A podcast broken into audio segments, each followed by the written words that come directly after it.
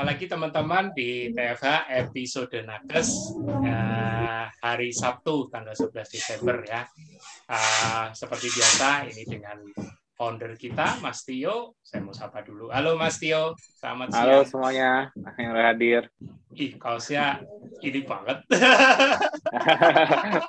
Mister ini nggak tahu ini icon apa tapi ini gambarnya Mister Fat apa gitu aku nggak tahu. Kartun apa? Kartun apa nggak tahu. tapi Brother Mario. Mario. Brother Mario. Mario ya? Ya. Ini, ini Mario ya? Mario. Nah, belajar. Ya, bentar, bentar lagi, bentar lagi setelah KM Mario nya jadi. Bapak Mas, nah narasumbernya. Ya, oke. Yuk. Oke, makasih yang udah pada hadir. Nah, narasumber kali ini kita Mbak Dede Koriah ya. Uh, kebidanan bidan ya Mbak ya. Iya. Hmm. Ya. Nah, Nah, Mbak Dede ini uh, aku dapat referensi dari Mbak Irma. Nah, Mbak Dede ini kebetulan masih baru nih dari ceritanya nih. Hmm. Masih baru berapa Mbak?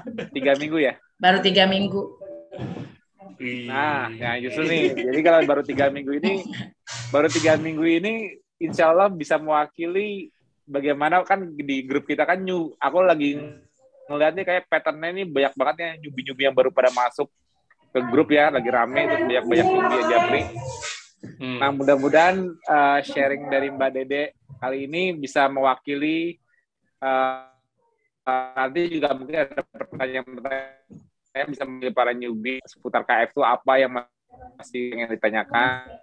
Ya awalnya awalnya yang ngajak siapa terus uh, sharingnya mengenai itu jadi kayak kayak alasannya apa ada perbaikan atau tidak terus uh, apakah uh, ada respon lingkungan setelah menjalankan apa respon-respon lingkungan atas jawat keluarga. Nah, setelah ya. sharing itu mungkin nanti Mbak Dede juga menambahkan dengan apa sih KF ini yang masih belum mungkin yang yang ngajak belum bisa full cerita nanti bisa nanya juga ke aku. Ya, monggo silakan Mbak Dede. Ya. Uh, makasih. Assalamualaikum warahmatullahi wabarakatuh. Uh, perkenalkan nama saya Dede Koria. Saya profesinya bidan. Uh, saya bekerja di puskesmas. Uh, saya di puskesmas Tajur. Uh, mungkin salam kenal untuk semuanya dan juga Mas Tio dan juga Mas Budi. Uh, sebenarnya saya baru ya, tapi baru tapi keinginannya besar, pengen cepat, mungkin uh, pengen instan tadinya gitu ya. Tapi uh, akhirnya saya mengerti sebuah proses. Uh, awalnya saya uh, mungkin pertama kali itu saya ngelihat dokter Daryati di Facebook dengan uh, apa gambar lipat kaki terus yang satunya kakinya lagi bengkak yang satunya hmm. dia bisa melipat kaki Nah, terus hmm. saya tanya kebetulan dokter Daryati uh, waktu itu kepala puskesmas saya, jadi emang saya berteman di Facebook. Saya tanya, e, dokter itu uh, alhamdulillah katanya uh, apa uh, sudah tidak lagi menggunakan obat uh, karena saya tahu dokter uh, Daryati uh, diabetes gitu kan. Hmm. Hmm. Uh, sama saya pun diabetes gitu kan. Hmm. Uh, tipe 2 saya. Tapi saya sudah neuropati pada usia 40 46 saya udah neuropati. Kaki sebelah kiri saya itu nyerinya luar biasa dan dia kebas. Hmm. Saya udah udah merasakan itu dan saya 45 tahun. 45 tahun saya udah ngerasain neuropati, nyeri hebat. Itulah pertama kali saya ketahuan kalau saya kena diabetes dengan gula darah 325. Hmm. Saya nggak ada keluhan lain selain kaki. Tadinya saya periksain ibu saya karena ibu saya waktu itu sakit. Saya periksain hmm. ah sekalian deh gitu. Ibu saya nggak. Hmm. Ibu saya 89 usia waktu itu dia kalau nggak salah 65-an ya. Hmm. Uh, saya 45, begitu saya yang dicek, kok saya yang tinggi, kaget lah. Kebetulan labnya lab temen kan. Hmm. Ih, coba diperiksain semua. Akhirnya saya diperiksain secara menyeluruh, kolesterol saya ternyata tinggi, asam uratnya juga 7 waktu itu, uh, gula darah 329. Nah, uh, ya kaget lah saya pada saat itu sempat drop gitu ya dan sebagainya. Akhirnya ya sudahlah jalannya waktu uh, saya tuh ini apa namanya nyeri kaki. Akhirnya saya ke dokter saraf. Kebetulan dokter saraf ada salah satu dokter saraf di daerah Kabupaten Bogor. Saya ke rumah sakit uh, kebetulan kakak saya apoteker gitu kan. Hmm. Nah resep yang pertama dikasih ada morfinnya. Hmm. Nah pada saat itu uh, nyeri saya hilang minum obat tersebut. Obat itu nah, cuma ada dapat 10 kapsul harganya satu setengah juta.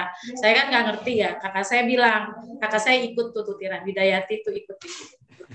Apa namanya? Ini ikut. Yeah. Jadi pas eh, dikasih tahu sama kakak saya jangan terus-terusan minum ini nanti kecanduan. Emang benar. Jadi saya kalau nggak nggak ke dokter itu nggak minum itu saya nyerinya nggak hilang gitu kan. Hmm Nah, tapi dua tahun ini, dua tahun belakangan ini saya stop, saya nggak minum obat anti nyeri yang dari dokter saraf tersebut. Hmm. Nah, saya sering baca-baca untuk diet. Saya pernah ikut uh, program, boleh disebutin nggak programnya? Ya, boleh. Boleh ya, Herbalife. Saya ikut Herbalife dengan uh, ininya saya ikut. Tapi hmm. malah saya nggak bisa BAB, Oh. Saya malah jadi obsipasi. saya jadi ah, pokoknya itunya metabolismenya juga nggak ini nggak benar juga. Pada saya berhenti juga. Terus ya beberapa nah akhirnya pada saat saya pada saat saya melihat dokter Daryati itu dengan uh, gambar seperti itu, wah kok sama kayak saya bengkak gitu. Waktu itu tiga minggu yang lalu hari Kamis saya lihat, lalu uh, dok mau dong gitu ilmunya. Nah dokter Daryati langsung japri saya, ini Bu Deki begini-begini dijelaskan sampai dikirimin juga tentang uh, diet ketonya pengobatan tuh hari pertama sampai ke 14 tuh bagaimana langsung saya jalanin gitu karena uh, saya pikir ini bukan jual produk yang seperti saya ikutin. Kalau saya ikutin beberapa ini kan selalu jual produk uh, awalnya gitu ya. Pasti emang ini tapi dia jual produk. Terjadi gini gini gini gini. Tapi memang saya kebetulan uh, ada temen saya cerita kata temen ya udah nih minyak uh, eh, PCO-nya ada. Dia dulu juga keto. Ini masih banyak kata dia gitu. Hmm. ya udah dikasih tuh. Nah sebelum saya belum beli IH imunotorinya belum saya beli hari itu hari Jumatnya besoknya saya uh, saya 24 uh, sore itu saya langsung minum air putih terus. Sampai ini langsung saya nggak karbo langsung saya nggak makan nasi. Sampai hmm. paginya juga saya minum PCO-nya aja terus saya minum air putih yang banyak. Ternyata kaki saya langsung nggak bengkak. Hmm. baru minum itu doang. Saya nggak makan nggak makan karbo. Kaki saya nggak bengkak hari Jumat itu saya berangkat ke Bandung langsung ke Bandung berangkat ke Bandung nginep nah biasanya itu saya dalam perjalanan itu dari sini jangan kan ke Bandung ke tempat kerja aja pulangnya saya pasti bengkak oh. hari itu sampai Bandung saya nggak bengkak kakinya Oh. Wah, kata saya, saya langsung bilang berteriak, dok, alhamdulillah saya nggak bengkak, nyeri saya pun hilang. Hmm. Nyeri hilang, bengkaknya hilang, udah tuh. Terus akhirnya besoknya lagi, kok saya bisa naik tangga? saya tuh kan nggak apa tangga tuh harus kaki dua, kaki dua dua, yeah. baru naik lagi satu. Ini enggak, saya tak tak tak tak gitu ya, oh. naik tangganya itu gitu ya. Ih, kata saya ini ini banget sampai akhirnya Eh, hari keempat itu saya enak buang airnya saya itu begitu ini kok ya pokoknya eh, inilah gitu. Memang biasanya saya sering obstipasinya mungkin karena dari makanan atau apalah. Padahal saya makan buah apa gitu, pada buah sayur, tapi malah obstipasi. Nah pada saat itu saya langsung eh, plong lah, bagus lah gitu ya. Terus saya agak pada saat itu wah ini mungkin yang saya ini benar ya. Uh, saya bilang dok, saya ini uh, uh, alhamdulillah gini-gini atau jadi ya udah katanya uh, di ini lagi Bu Deki pokoknya disaranin lah dokter Daryanti. Nah akhirnya karena saya penasaran sebenarnya dikasih sama dokter Daryanti itu nomor Mbak Apri Mbak Apri itu yang tempat pembelian gerobak eh, keto ya. apa namanya IH-nya di Bogor. Hmm, hmm. Ah kalau pesen saya nggak dengar langsung dari orangnya kayaknya nggak puas. Akhirnya saya datengin ke rumahnya Mbak Apri hmm. uh, yang jualan IH itu pokoknya makanan-makanan oh, keto ya. itu yeah. Mbak Apri di situ saya minta penjelasan apa sih IH ini saya bilang gitu ini Mbak dijelaskan nanti biasanya suka kalau emang itu malah jadi timbul reaksi nantinya jangan kaget katanya gitu kan. Hmm. terus saya bilang sama Mbak saya bertiga waktu itu sama teman saya ke sana uh, Mbak Apri kan anaknya epilepsi dia cerita terus pakai obat uh, pakai IHA dia bilang gitu anaknya dari dua hari kambuh sekarang udah delapan harian baru pokoknya dia cerita lah gitu. Dia terus dia bilang kalau nggak ada keluhan enggak saya memang ada diabetes saya bilang gitu saya tuh kaki saya bengkak saya bilang gitu e, tapi sekarang udah enggak saya bisa tak naik tangga. Saya bilang saya nggak nyeri saya bilang gitu. oh nanti jangan kaget katanya nanti akan timbul itu gitu ya. Saya pikir ah enggak lah gitu ya. Benar begitu saya minum IH itu kok malah jadi nyeri? Kaki saya timbul nyeri lagi. Terus saya sampai apa nyut nyutan lagi. Saya bilang aduh ini gimana ya? Apa saya berhentiin? Apa gimana? Gitu. Terus akhirnya ah, tapi saya penasaran saya lanjutin aja sampai hari ini. Akhirnya saya tetap masih lanjut. Tetapi memang benar ada tantangan dari lingkungan sekitar. Kebetulan uh, teman saya yang berketo ada namanya Bu Siti Yuliana dia juga tadinya mau ikut gabung cuman uh, mungkin ada ada pasien yang lahir. Uh, dia berhenti karena dia juga nggak tahu dari mana uh, dia jadi hipertiroid. Akhirnya nggak boleh keto gitu.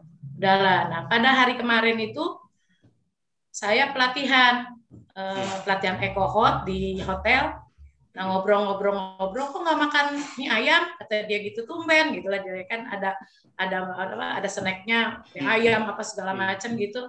Enggak saya bilang gitu. Tumpai diledekin lah gitu. Saya bilang ah, terus ada tahu kan temen kata temen dia lagi keto katanya. So, tahu bener tahu. Sampai kapan tuh kita liatin aja kuatnya sampai kapan tuh dia berketo? Gitu kan. udah tuh saya bilang uh, oh doain aja. Mudah-mudahan istiqomah saya gituin gitu kan lah gitu ya. Kata temen saya uh, itu ada salah satu dokternya berketo katanya. Terus pasang ring katanya gitu. Waduh saya bilang gitu. Saya makin saya agak ini udah sekarang makan aja.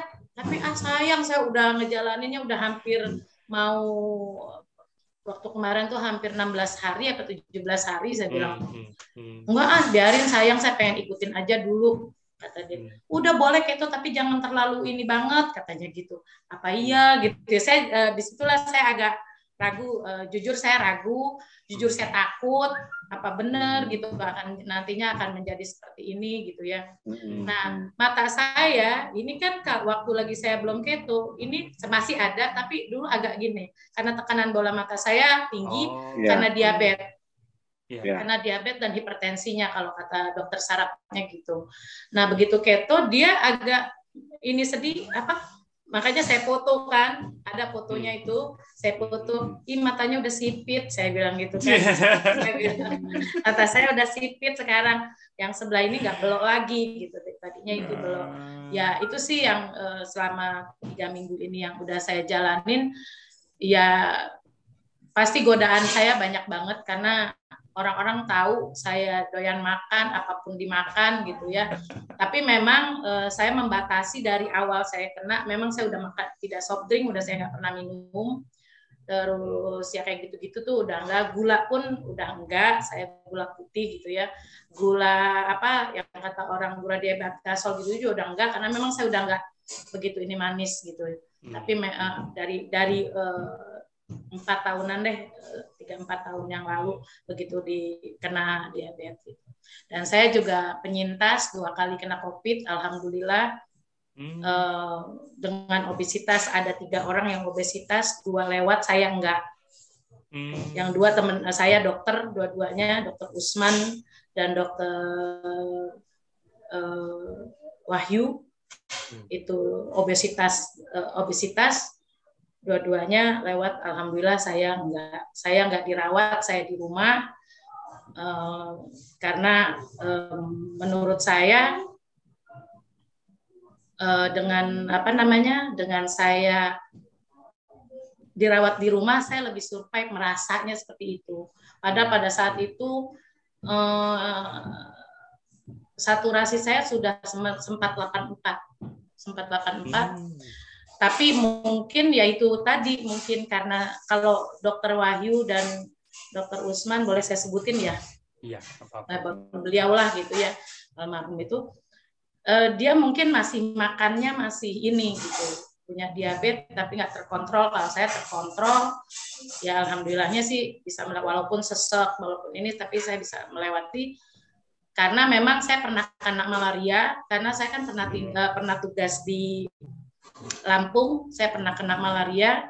Jadi menurut saya COVID itu nggak seberapa dibandingin malaria. Saya kena malaria itu lebih dahsyat gitu, pada saat itu. Jadi hmm, makanya saya nggak bertahan untuk dirawat karena teman-teman teman-teman dokter gitu ya semua tuh cepetan dirawat cepetan berangkat cepetan berangkat katanya gitu ke rumah sakit jangan sampai telat gini-gini sesek enggak enggak saya ngebohong memang enggak enggak sesek saya bilang gitu ehm, ransan biarin ini gitu kan akhirnya eh, karena nggak enak ya teman begitu pada baik para dokter hmm. teman-teman saya pada baik akhirnya saya ikutin ke rumah sakit saya di ronsen alhamdulillah paru bagus diperiksa darahnya juga saya bagus. Uh, akhirnya saya memutuskan ditanya sama dokternya, ibu mau Isman di rumah sendiri apa mau dirawat? Saya bilang saya milih di Isman. Jadi uh, ya alhamdulillahnya mungkin karena jadi alfa delta saya mah udah kenalan di dalam tubuh saya udah udah akrab. Jadi uh, uh, ya alhamdulillah sih nggak sampai apa ya. namanya ini survive. yang ke uh, ya uh, karena saya survive-nya mungkin hmm, saya pada saat itu ya berpikiran positif aja terus sempat temen bilang e, nelpon saya punya diabetes kan? Iya morbid ya komorbidnya diabetes. Iya sama hipertensi. E, jangan banyak makan nasi gitu doang cuman ngasih taunya pada saat itu. Saya dikasih tahu sama teman jangan makan nasi jangan banyak banyak banyakin lauk katanya gitu. Ya ah, itu sih yang apa sih namanya eh, yang kemarin teman anjurin itu seperti itu pada saat saya kena covid. Kalau covid kedua delta saya nggak berasa apa-apa hanya nyeri dada aja tapi sudah lewat akhirnya nggak nggak nggak begitu berat kalau yang kedua yang berat yang yang pertama hmm. itu aja mungkin sharingnya nggak ya, pengalamannya belum belum begitu banyak sih ya, baru 16 hari masih banyak godaan juga buat saya sih. Tapi yang ada ngerasa perbaikan tidurnya nggak setelah kayak? Saya mah dari awal keto sampai sekarang tidurnya enak-enak aja. Nggak ada gangguan tidur saya. Cuman emang ngantuk kalau habis minum IHA saya ngantuk. Hmm. Terus kalau kalau di sore hari misalnya habis maghrib gitu lebih cepat kerasa ngantuk nggak? Iya. Habis minum iya itu saya berasa ngantuk banget emang.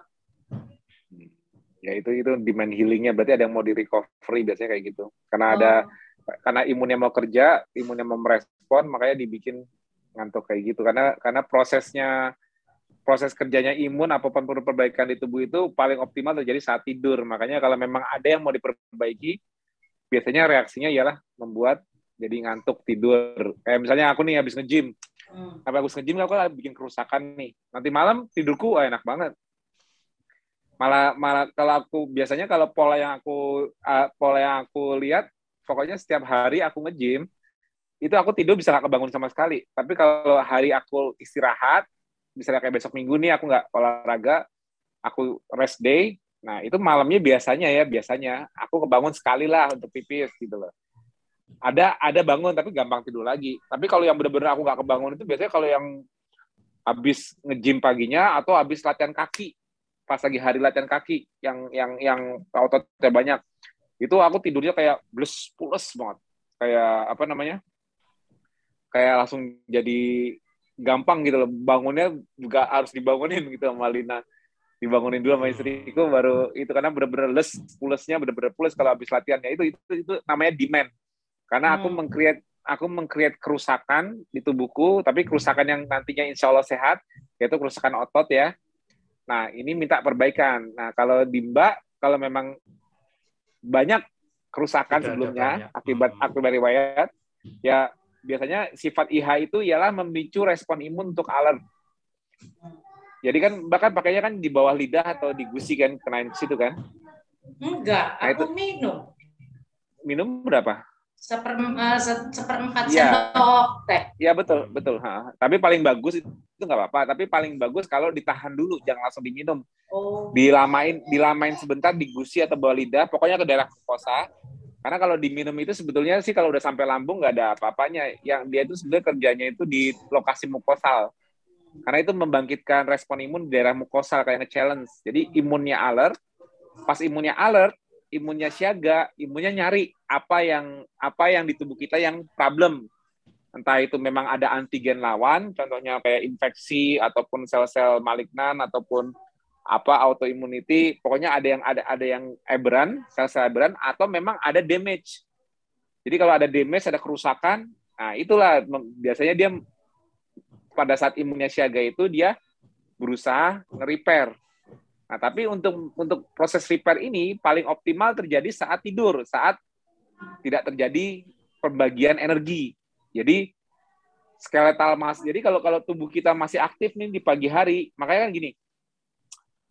Kortisol itu sifatnya hormon kortisol itu sifatnya supres imun.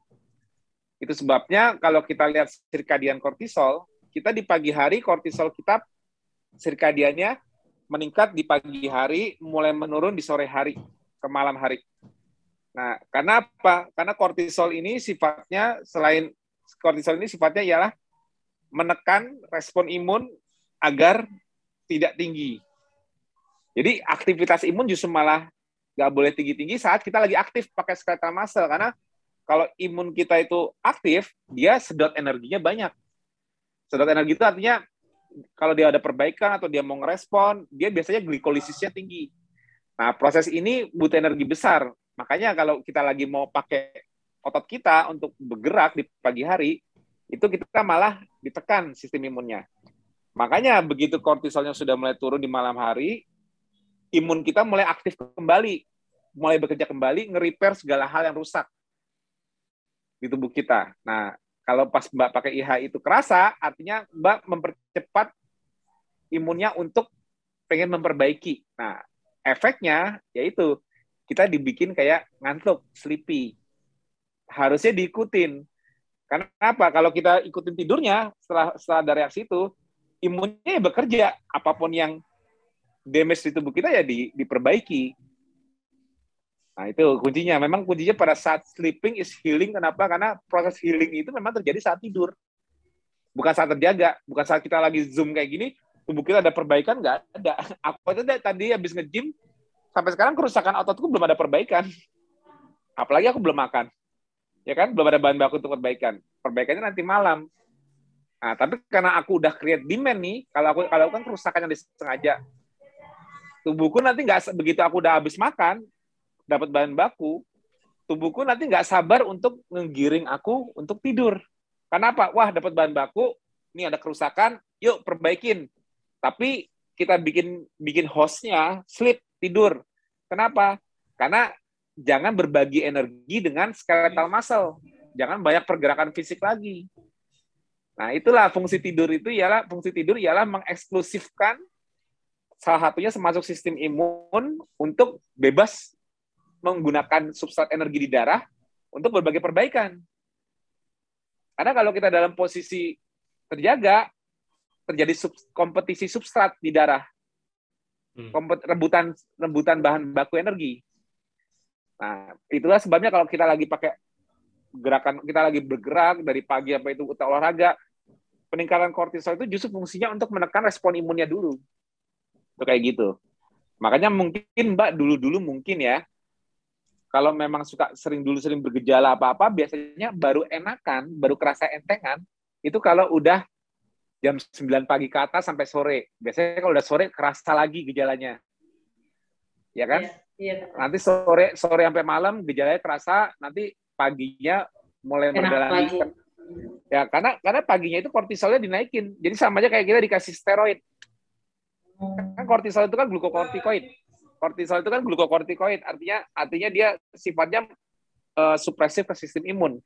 Tapi itu natural di manusia. Itulah pattern kenaikan kortisol karena dia fungsinya untuk supaya imunnya nggak aktif, energinya yang makai gantian skeletal muscle, gantian otot-otot kita untuk bergerak, aktivitas fisik dan sebagainya. Makanya pentingnya tidur bagus itu apa? selain untuk repair di seluruh tubuh juga termasuk untuk immunosurveillance-nya bagus. Jadi sistem imun kita juga mengecek lagi ulang semua antigen termasuk self atau non self antigen. Jadi kalau kalau ada ada misalnya nih amit-amit mau muncul malignansi, mau muncul ada sel yang jadi abnormal menjadi cancer, itu kan dia terjadi gangguan antigen. Nah, sel imun yang aktif ini kalau dikasih waktu imunosurveillance yang bagus di malam hari, langsung nggak bisa belum sempat dia membelah banyak nih sel malignansi belum sempat menjadi malignansi langsung dihajar belum sempat angiogenesis langsung diserang.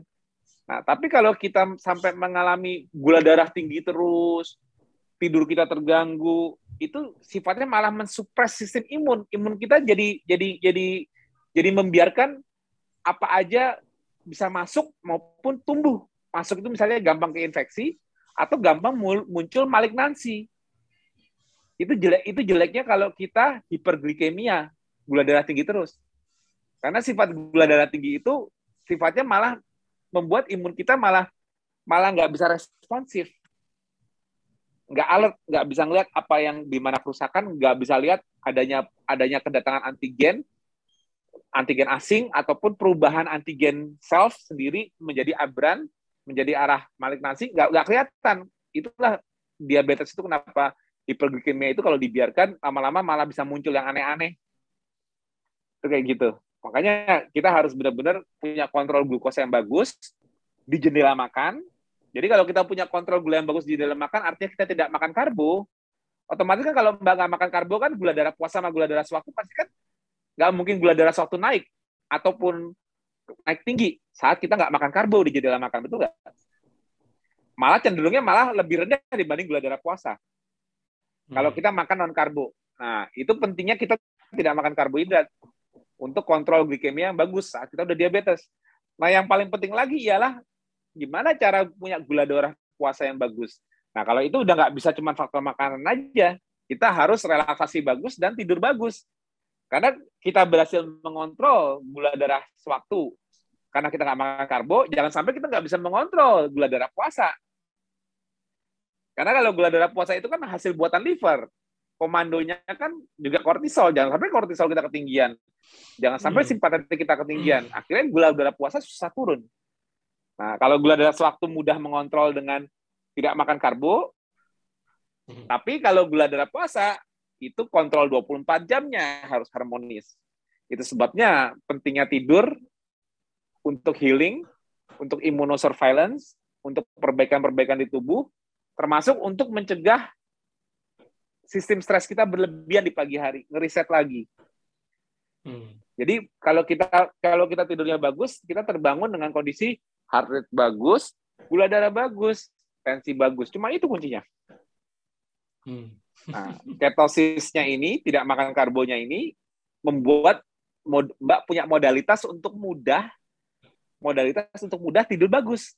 Makanya aku tanya, lebih gampang ke, lebih gampang ngantuk nggak di awal eh, di di sore atau habis isa gitu udah udah nguap nguap ya eh, lebih sering ngantuk eh, pokoknya udah udah pokoknya kalau habis minum IHAS yang saya kerasain itu ngantuk ya, kalau itu banget. kan, itu kan ada ada ada ada efek mau repairnya. Itu mbak ya. ngikutin langsung tidur nggak? Langsung tidur. Nah, masih masih ada kebangunnya nggak malam-malam Uh, bangun enggak sih saya udah biasa bangunnya jam 4 jadi ya emang setengah 4 itu bangun udah gitu. Oh. Jadi nggak nggak nggak kebangun jam berapa gitu untuk pipis enggak ada ya? Atau hmm. deep sleep ya? Enggak. Langsung Berarti benar-benar deep sleep dari sejak gitu. itu tidur bagus. Nah, Iya. Nah, tidur pulas. It, itu yang harus dipertahankan, Mbak. Itu yang harus dipertahankan. Itu jangan jangan sampai jadi kalau Mbak selalu seperti itu, makanya kan Mbak lihat perbaikannya cepet ya begitu Mbak seperti itu sejak awal KF, makanya kaki bengkaknya langsung mereda, tadinya nggak bisa jalan langsung gampang naik tangga, yeah. terus tekanan bola matanya juga karena gula darahnya udah langsung membaik. Sorry, terakhir cek gula darah berapa? Udah udah pernah cek? Dua sembilan mas. yang, yang, yang yang setelah KF, oh. yang setelah KF. Oh, setelah KF saya 100 kemarin saya 190, masih 190. Mas itu dengan minum obat nggak, sorry? Uh, waktu itu saya nggak minum obat. Sejak KF nggak minum obat? uh, minum minum. Cuman pada saat itu saya emang men-challenge diri saya. Saya nggak minum obat ya, hari ya, itu. betul. Ah, saya men-challenge diri saya nggak minum obat. Makanya justru saya juga mau nanya Mas Tio apa saya tetap obat diminum apa enggak? Tapi sama ini sih saya hanya sekali. Nah, harusnya kan tiga kali biasanya. Hmm. saya hanya minum sekali sekarang. nggak apa sekali aja dulu nggak apa-apa. Nanti kalau udah kalau udah stabil di bawah 150 lepas. Hmm. nah langsung kejar dari harmonisasi lima pilar. Pokoknya tidur harus semakin tidurnya selalu dijaga bagus seperti itu tidurnya sebelum jam 8 malam habis isa ngantuk yeah. langsung tidur bangun jam 4 subuh. Itu kalau seperti itu terus dan nggak ada kendala tidurnya di sleep terus itu mudah sekali di bawah 100 nanti cepat itu pesanku. Jadi jadi mbak jangan nanti uh, apa sampai sampai mengalami kesulitan tidur jangan. Karena kalau kalau diabetes paling cepat reverse-nya kalau tidurnya bagus ya. Nah terus nah kalau tidur bagus harusnya mbak juga cravingnya juga udah nggak tinggi.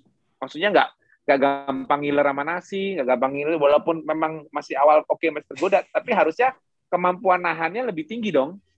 Waktu itu iya menahannya bisa empat hari KF nggak tergoda itu, ya itu ke sininya agak ini tapi enggak sih eh, apa namanya eh, saya nggak nggak nggak nggak nggak makan. Cuman waktu lagi pertemuan itu saya sempat ya, makan satu sendok godaan itu. lingkungan.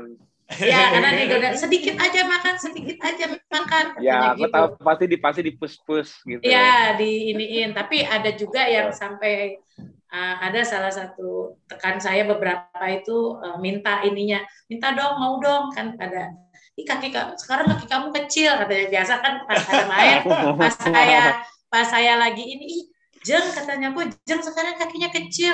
Kok ini gitulah pada pada ini gitu ya. Ya dong aku kan KF gitu. Akhirnya minta uh. itu yang resep yang dokter Daryati sharing ke uh. saya. Terus saya uh. biasanya kan emang gede kaki saya karena bukan itu juga kali. Terus akhirnya saya sharing sama dia ya udah ikut aja ini uh, KFC biar pada tahu enggak aku mau dulu aja uh, dari ini dia bilang gitu. ya ada beberapa yang saya kirim kirimin ada dokter yang minta saya kasih kasihin gitu yang uh, share dari dokter Daryati itu gitu yang tentang ya. nanti minta tolong aja sama dokter dari hati masukin ke grup Medcon kayaknya masih ada space kok di Medcon tiga empat masih banyak juga kok space-nya yang dua juga masih, salah. masih ada oh dua dua masih ada kosong nah bisa ada space ada. juga tuh yang bareng mbak Dede kalau misalnya ada dokter-dokter yang mau ikut gabungin aja ke metabolic conditioning malah lebih enak di sana. Misalnya kan kalau bisa gampang terupdate dengan sama dokter semua kan, maksudnya sama tenaga kesehatan kan mungkin lebih gampang gitu loh dan yeah. lebih gampang menerima suatu hal yang teknikal teknikal gitu loh. Kalau aku kan tapi kalau di Medcon satu, aku aku kebanyakan sih memang di Medcon satu. Nah di situ memang kalau masuk situ udah siap EMC kuadrat aja. Karena itu, kalau di situ kalau di situ versi terlalu teknikalnya. Karena itu bahasanya udah udah lama di Medcon satu. Tapi memang Terus uniknya Mbak Dede ini tidurnya bagus ya sebelum KF pun juga gampang ibaratnya. Ya, sebelum KF memang saya gampang tidur sebenarnya makanya iya orang kaget juga kan waktu, waktu di waktu tes gula darah 329 kaget juga pasti ya. Hmm. Karena saya nggak ini. Karena saya memang PCO sindrom oh. ovarium. Makanya saya punya anaknya juga kan agak lama karena karena uh, apa insulinnya tinggi waktu tapi yeah. GDS-nya saya 89 pada waktu masa itu. Cuman ya, udah tapi kan insulin tinggi. Iya, insulinnya bisa dulu kan tinggi kan emang. tinggi. Namanya hyperinsulinemia. Ya. Jadi kalau orang kalau orang yang makan karbo itu bisa aja gula darahnya kelihatan oh, oh ya aku makan karbo nih. Misalnya ada yang pamer ini aku makan karbo tapi gula darahku sekian. Misalnya nunjukin saya gula darahnya tetap 80-an tetap 90-an walaupun makan karbo. Itu kan dia merasa kayak yeah. insulin dia merasa kayak Siamat. dia nggak ada diabetes. Salah. Orang makan karbo kalau dia dia merasa kayak GDS-nya oh ini 8990 itu karena mungkin insulinnya udah tinggi duluan. Insulinnya udah berusaha nurunin terus Makanya awalnya sebelum diabetes itu kan kan dibilang gini, sebelum muncul diabetes diawali oleh hyperinsulinemia. Artinya insulinnya tinggi dulu. Yeah. Karena jadi gini, kalau misalnya gini, aku makan nasi, roti yang banyak gitu, tapi aku gula darahnya habis itu nggak tinggi. Artinya kan insulinku mampu menurunkan. Betul kan? Yeah. Mampu menurunkan. Tapi berapa banyak insulin yang dibutuhkan untuk menurunkan? Artinya tubuh kita itu peredaran insulinnya tinggi. Nah, insulin yang tinggi ini disebut namanya hyperinsulinemia untuk menjaga gula darah kesannya normal, tapi insulin yang tinggi ini yang sifatnya justru malah merusak. ini yang bisa memicu kayak PCOS.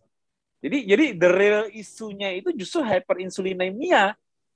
Hmm. Dari yeah. hyperinsulinemia, walaupun kelihatan GDS-nya bagus, GDP-nya bagus, yeah. tapi lama-lama nanti begitu udah insulin yeah. resisten baru naik Muncul. diabetes. Baru itu jalurnya seperti itu. jadi jadi jangan jangan jangan jangan jangan GR dulu. Kita punya gula darah bagus, makan karbo yang high glycemic pula. Ya, makanya orang makanya dunia sekarang menyuruh orang-orang benar nggak dunia kesehatan menyuruh orang-orang untuk beralih ke low glycemic nggak? Yes. Nasi putih suruh ganti yeah. nasi merah Nasi merah iya. Ganti, gandum roti, ya. Roti disuruh ganti roti gandum nggak? Yeah. Tujuannya apa? Mengurangi kadar gula nggak? Mengurangi yeah. glycemic index nggak? Yeah. Ya tujuannya tujuannya itu. Jadi orang-orang yang biasa makan roti, nasi putih, dan bangga dengan gula darah mereka nggak tinggi, jangan GR dulu. Nantinya itu lagi prosesnya hyperinsulinemia. Insulinnya yang tinggi, dia kan nggak ngecek insulin. Yang dia cek kan cuma gula darah puasa dan waktu. Tahu-tahu dengan kondisi dia lapor nih gula darah sekian, tapi kan insulinnya itu yang sifatnya inflamatif. Insulin tinggi itu bisa memicu macam-macam justru malah. Hmm. Jangan jangan jangan senang dengan insulin. Wah, insulinku tinggi bagus insulin tinggi itu nggak ada bagus-bagusnya justru itu yang mau, mau dihindari makanya kita makan yang low glycemic supaya insulin, supaya insulin tidak lompat nah ya, kalau di KF itu bukan low glycemic lagi tapi very low glycemic artinya apa lompatan insulin sangat-sangat tidak tinggi jadi gini yang menyebabkan insulin resisten ialah kalau peredaran insulin itu selalu banyak di darah akhirnya reseptor-reseptor insulin di permukaan sel akhirnya desensitifikasi tadinya Hmm. Tadinya dia uh, butuh cuman insulin sekian untuk mengambil gula karena insulinnya beredar banyak, akhirnya dia mengurangi jumlah reseptornya. Hmm. Nah, dia mengurangi jumlah reseptor untuk mendengarkan insulin. Nah, hmm. itu yang terjadi kalau insulin kita selalu tinggi. Nah, kalau kita makan yang tidak membuat insulin kita lompat tinggi, artinya insulinnya tidak berlebihan, reseptor-reseptor justru malah berusaha makin sensitif. Kok insulinnya yang hmm. keluar cuma sedikit akhirnya mereka berusaha men, bisa berusaha meningkatkan resep, ekspresi reseptornya. Itu yang disebut malah dengan tidak makan karbo atau makan yang low glycemic atau very low glycemic itu meningkatkan insulin sensitivity. Akhirnya artinya sensitivitas insulinnya meningkat. Artinya apa reseptor insulinnya di sel-sel tubuh yang meningkat hmm. ngerti nggak uh, jadi jadi kalau ada orang obesitas orang makan karbo dia saya nggak belum diabetes lihat aja gula darah saya hmm. misalnya kayak gitu hmm. Hmm. dia bisa memiliki gula darah rendah karena dia sudah pankreasnya sudah bekerja keras ngeluarin insulin banyak jadi cikal bakalnya itu hyperinsulinemia dulu makanya hyperinsulinemia itu bisa macam-macam karena sifatnya dia terlalu anab kalau hyperinsulinemia itu terlalu anabolik makanya bisa muncul yang aneh-aneh bisa muncul cancer lah bisa muncul akhirnya akhirnya muncul hipertensi juga lah. Nah, sebelum gula darahnya naik, tensinya bisa naik duluan nanti. Hipertensi duluan. Kenapa? Karena sifatnya energi ekspediturnya harus ditingkatkan lewat simpatetiknya. Leptinnya, leptin yang sebagai hormon hormon nunjukin bahwa gudang storage-nya udah penuh aja tinggi terus. Nah, leptin yang tinggi ini, pada saat kita menggemuk tuh leptin yang tinggi itu, itu sifatnya menaikkan simpatetik. Kenapa? Hmm. Karena tujuan leptin itu untuk menunjukkan gudang kepenuhan dan harus dikeluarkan sebagai expenditure energi. Caranya ialah simpatetiknya dinaikkan supaya kita bergerak. Tapi biasanya orang kalau yang makan karbo dan menggemuk, dia justru malah makin berkurang geraknya. Jadi simpatetiknya tidak diarahkan ke arah bergerak, tapi malah meningkatkan simpatetik tone secara sistemik. Akhirnya apa? Vaskularitasnya jadi tegang terus.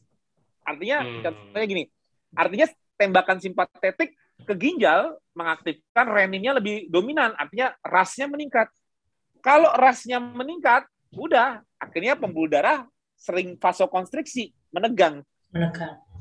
Nah, jadi walaupun detak jantungnya masih terlihat normal, tapi karena vaskularisasinya kebanyakan vasokonstriksi, mengecil pembuluh darahnya, tegang akhirnya. Akhirnya, loh, saya nggak berasa apa-apa, tapi kok tensi saya tinggi ya?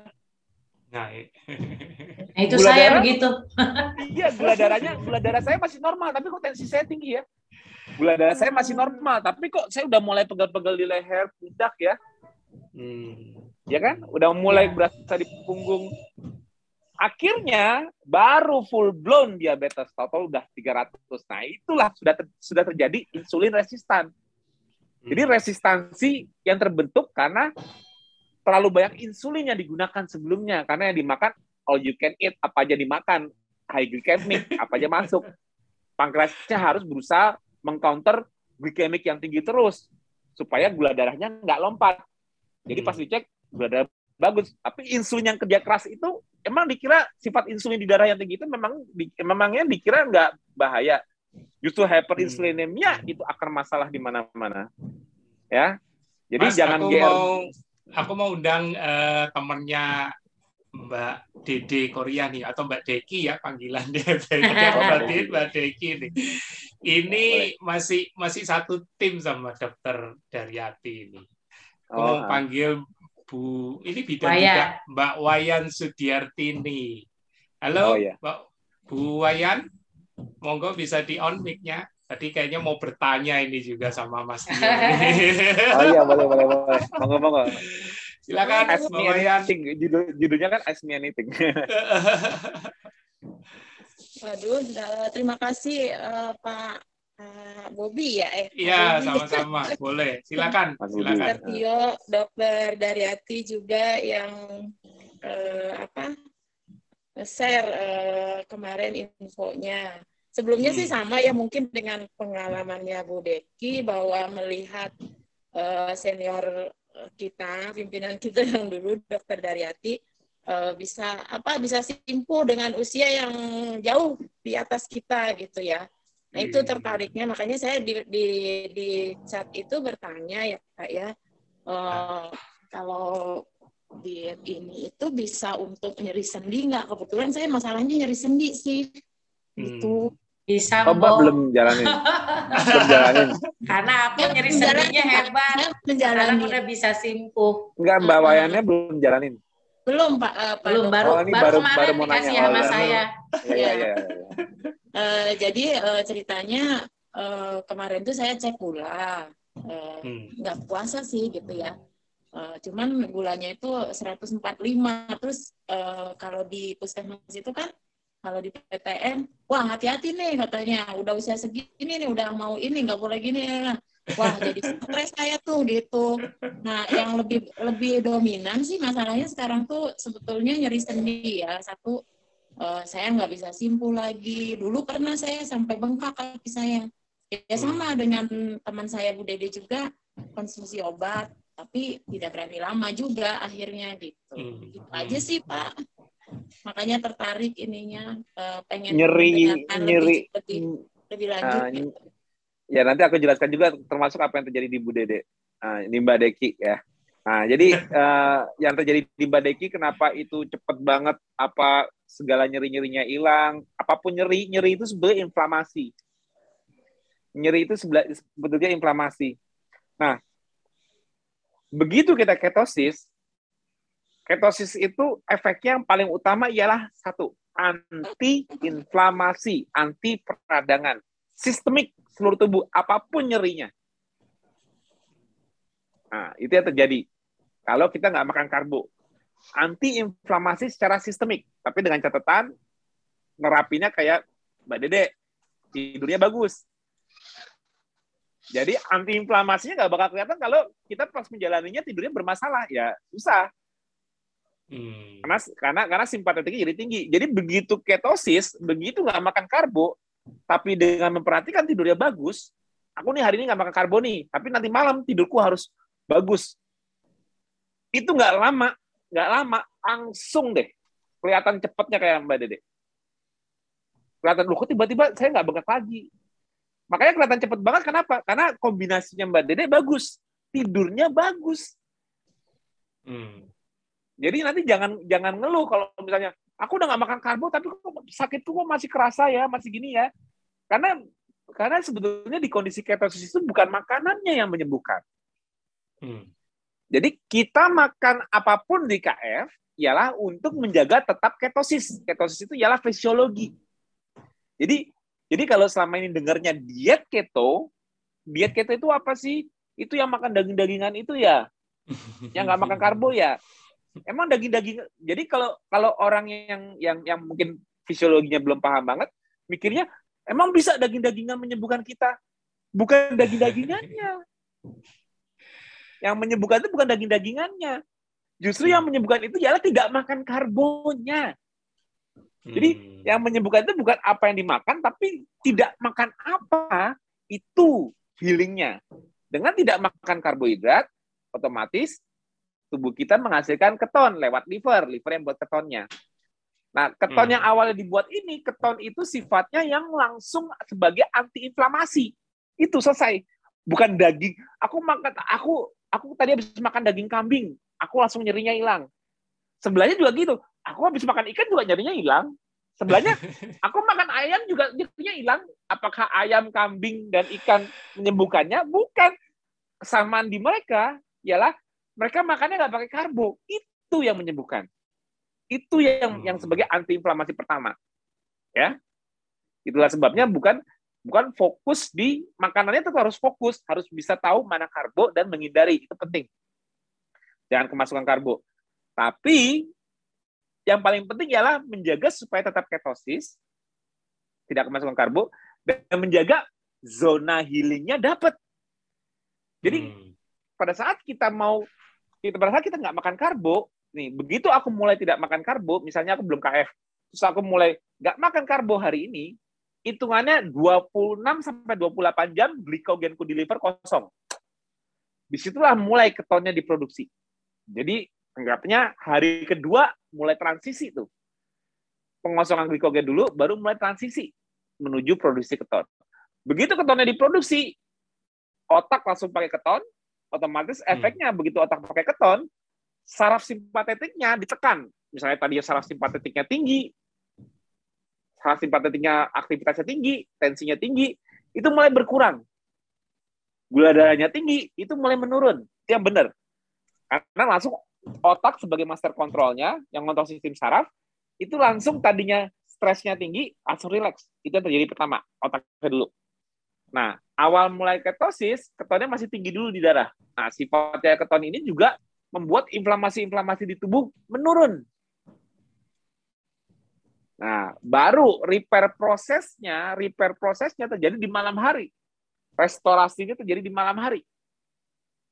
Simpatetik yang udah berhasil diturunkan oleh ketosisnya, keton, tidurnya yang makin bagus, membuat kontrol simpatetiknya bagus, pagi-pagi rasanya lebih segar. Rasanya lebih fit. Nyeri-nyeri makin banyak hilang. Diulang lagi polanya, tetap nanti pas saya makan, saya nggak makan karbo, supaya tetap ketosis, dan hmm. saya harus dapat zona healing di malam harinya. Karena ingat, penyembuhannya selalu terjadi saat tidur. Bukan saat puasanya, bukan saat olahraganya, bukan saat rileksnya, bukan saat makannya, saat tidurnya itulah terjadi proses healing apa pun kita kan nyerinya berkurang tapi kan ada penyebab nyerinya dong di awal. Hmm. Nah, restorasi penyebab nyerinya itu pengembalian homeostasisnya itu yang terjadi saat tidur. Jadi resepnya kalau mau cepat penurunan inflamasinya ikuti seperti Mbak Dede, jalanin KF dengan tidur bagus dan jangan sampai ada masa tidur. Nah, sekarang pertanyaan pertanyaannya dulu nih. Mbak Wayan punya keluhan tidur nggak? Gitu. Sejak gemuk saya tidurnya kepluk dok. Gimana kan? Nggak kedengeran? Tadi? Sejak, halo? Ya? Ya, ya. Waduh, ya sejak berat badannya naik nih, kayaknya tidurnya nggak ada masalah dok. Tidur malam, bukan tidur siang, tidur malam. Ya, kalau kalau kalau orang kalau orang gemuk itu biasanya siang sleepy, sleepiness karena malamnya bisa jadi kurang. Tapi tidur, tidur malam nggak ada masalah. Nah tidur malam nggak ada masalah. Aku tanya, aku mau naik jamnya. Tidurnya jam berapa kalau malam biasanya? Oh, kalau paling telat itu jam 11. Biasanya jam? Uh, selalu jam 11 paling paling cepat udah tidur. Ya, bangunnya jam? Kalau bangun jam 4 dengan alarm ya dok, yang normalnya tuh jam 5.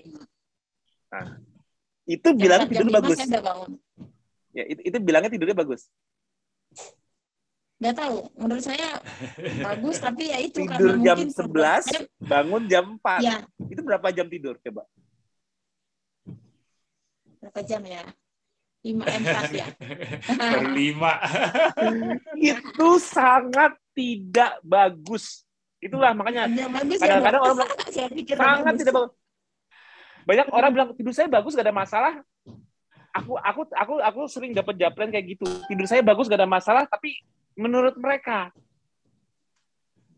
itu sangat tidak bagus dan jangan dibiarkan berlarut Tidur yang bagus itu 8-10 jam. Hmm. Kalau kalau udah gabung nanti di grup Medcon, aku di Medcon 1 udah sering aku share, bahkan ada jurnal yang menunjukkan tidur kurang dari 6 jam atau rata-rata 4-5 jam, cuma 4-5 jam sehari, itu pemicu resiko arteriosklerosis paling tinggi. Hmm. Tidur cuma rata-rata 4-5 jam sehari pemicu arteriosklerosis. Itu udah ada jurnalnya. Penyumbatan pembuluh darah, bayangin. Jadi jadi jangan pernah bilang tidur bagus karena kita aku tidur enak biasa bangun karena kita masa ah mungkin udah umur kali tidur segini nggak apa-apa gitu nggak boleh nanti begitu mulai KF ya pesanku satu Begitu makan jam 12, misalnya masih sibuk di kantor atau masih kerja, makan, tapi nggak perlu terlalu kenyang. Yang penting udah makan. Kalau weekend nggak apa-apa mau makan kenyang, habis itu bisa tidur siang, monggo. Tapi kalau itu kan pengennya tetap aktif kan, jadi makan sampai nggak terlalu kekenyangan. Yang penting udah makan. Nanti sore mau kalau udah jam 3 sore mau ngemil, alpukat dan sebagainya buat sambil santai, monggo boleh. Tapi hmm. pesenku begitu habis maghrib atau at least jam 4 jam 5 lah ya, itu makan besarnya masuk. The biggest meal-nya itu saat akhir hari. Kenapa the biggest meal-nya itu selalu akhir hari? Karena kunci orang bisa tidur pulas ialah kenyang. Hmm. Jangan sampai bisa, aku nggak kenyang pun bisa tidur kok. Bisa. Jangan sampai terbangun gara-gara masih ada lapar. Hmm. Jadi pastikan kalau misalnya anggap aja masih kenyang, tetap paksakan makan saranku. Ya ambil aja dua tiga telur, masih nggak bisa nggak mampu kalau makan lagi kayak tadi siang nggak mampu masih kenyang. Tetap aja ambil dua tiga telur, sampai he lagi misalnya atau makan ikan lagi ya atau makan apa pun itu untuk nambahin sampai kerasa kenyang lagi sebelum tidur. Rasa kenyang sebelum tidur itu yang paling penting. Hmm. Karena nantinya muncul food coma, muncul somnolence. Maksudnya kita udah jadi kayak kayak ngantuk. Jadi kalau aku suruh makan sebelum, uh, sebelum maghrib atau sudah maghrib itu dekat waktu tidur, tujuannya apa? Supaya kalau kita kekenyangan di situ, kita nggak lama nanti jam tujuan udah nguap. Habis isa itu udah nguap. Udah mulai kayak lemes. Itu jangan tunda-tunda. Langsung masuk kamar, mati lampu, handphone semua di luar. Nggak ada elektronik. Jadikan kamar itu tempat yang sakral. Kalau saya masuk kamar, saya berarti udah niat mau tidur. Hmm. Gak usah nonton lagi, Nggak usah lihat jam di kamar, nggak usah ada distraksi dari handphone-handphonean. Kalau mau jalanin KF dengan smooth, lakukannya seperti itu. Jangan tidur jam 11. Masuk di situ, tidur pasrah. Pastikan kalau misalnya, tapi saya tapi saya ini kok nggak bisa tidur ya. Coba latihan pernapasan. Buang nafasnya lebih lama. Maksudnya maksudnya kalau udah selesai buang nafas, jangan buru-buru narik lagi, tunggu sebentar, baru tarik nafas. Jadi rasio buang nafas sama narik nafas lebih panjang, lebih lama di buang nafasnya. Supaya detak jantungnya melambat, melambat, melambat, oksigennya juga CO2 lebih banyak dibuang dibanding oksigennya. Oksigen yang berkurang membuat kita juga makin nguap-nguap lagi, oksigen yang berkurang membuat kita nggak bisa banyak mikir, pikirannya nggak melayang-melayang lagi. Beda kalau sama yang masih detak jantungnya cepat, oksigen masih tinggi, mikirnya ke mana-mana, pikiran jalan-jalan, itu beda. Makanya harus diatur pernafasan supaya bisa nggak melayang-layang. Udah nanti nanti saya tidur jam berapa ya? Nggak usah tahu. Pokoknya masuk sebelum jam 8 malam, udah ngantuk, masuk. Nggak usah tahu tidur jam berapa. Kalau mau pasang waker, nggak usah dilihat wakernya setel aja di jam 4 dah. Hmm. Misalnya mau bangun jam 4, misalnya sholat subuh, setel aja jam 4, udah selesai, tapi nggak usah dilihat. Jangan sampai misalnya kebangun malam untuk pipis, lihat jam, loh, masih jam 10, masih jam 2, nggak usah dilihat. Ke kamar mandi, kamar mandi aja, pipis, balik lagi tidur lagi. Gak usah tahu jam berapa. Wong waker juga belum bunyi kok. Gitu aja kalau memang harus bangun jam 4. Nah, itu kuncinya. Jangan ada distraksi. Gelap kamarnya, jangan distraksi. Tidur bagus. Nah, jalanin seperti itu, baru flow-nya bagus. Dan jangan lagi bilang tidur 4 jam itu bagus. Jangan dibiarkan. Nanti kebingungan saat ke depannya nanti, kok saya banyak nyeri-nyerinya ya? Saya banyak apa-apa. Ya zona healingnya sempit banget. Hmm. Jangan diulang itu mau mau diet apa pun jangan tidur cuma segitu. Itu nggak bagus, sangat nggak bagus. Tidur jam 11, rata-rata rata-rata jam 11, bangun jam 4 itu sangat nggak bagus. Ya. Itu pesanku kalau pesanku buru-buru beresin masalah tidur, tidur lebih cepat, makan kenyang sebelum tidur, itu paling penting. Udah masih kenyang Mas tadi makan siang.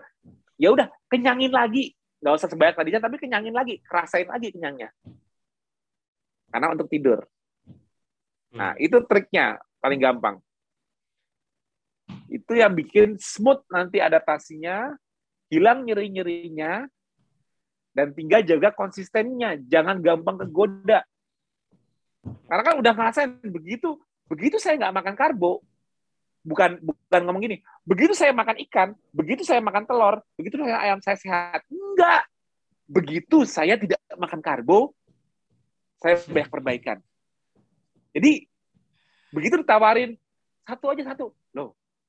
Berarti kalau saya makan karbo lagi, saya mau sakit lagi dong. Nah, gitu loh. Jadi punya punya konsistensi di dirinya. Buktikan dulu, bener nggak sih nggak makan karbo saya bisa nyeri-nyeri hilang, sakit hilang? Bener. Nanti kalau digodain lagi, berarti saya mau sakit lagi dong. Saya mau kerasa lagi dong. Nih. Berarti Bu Badeki mesti jadi mentornya Bu Wayan.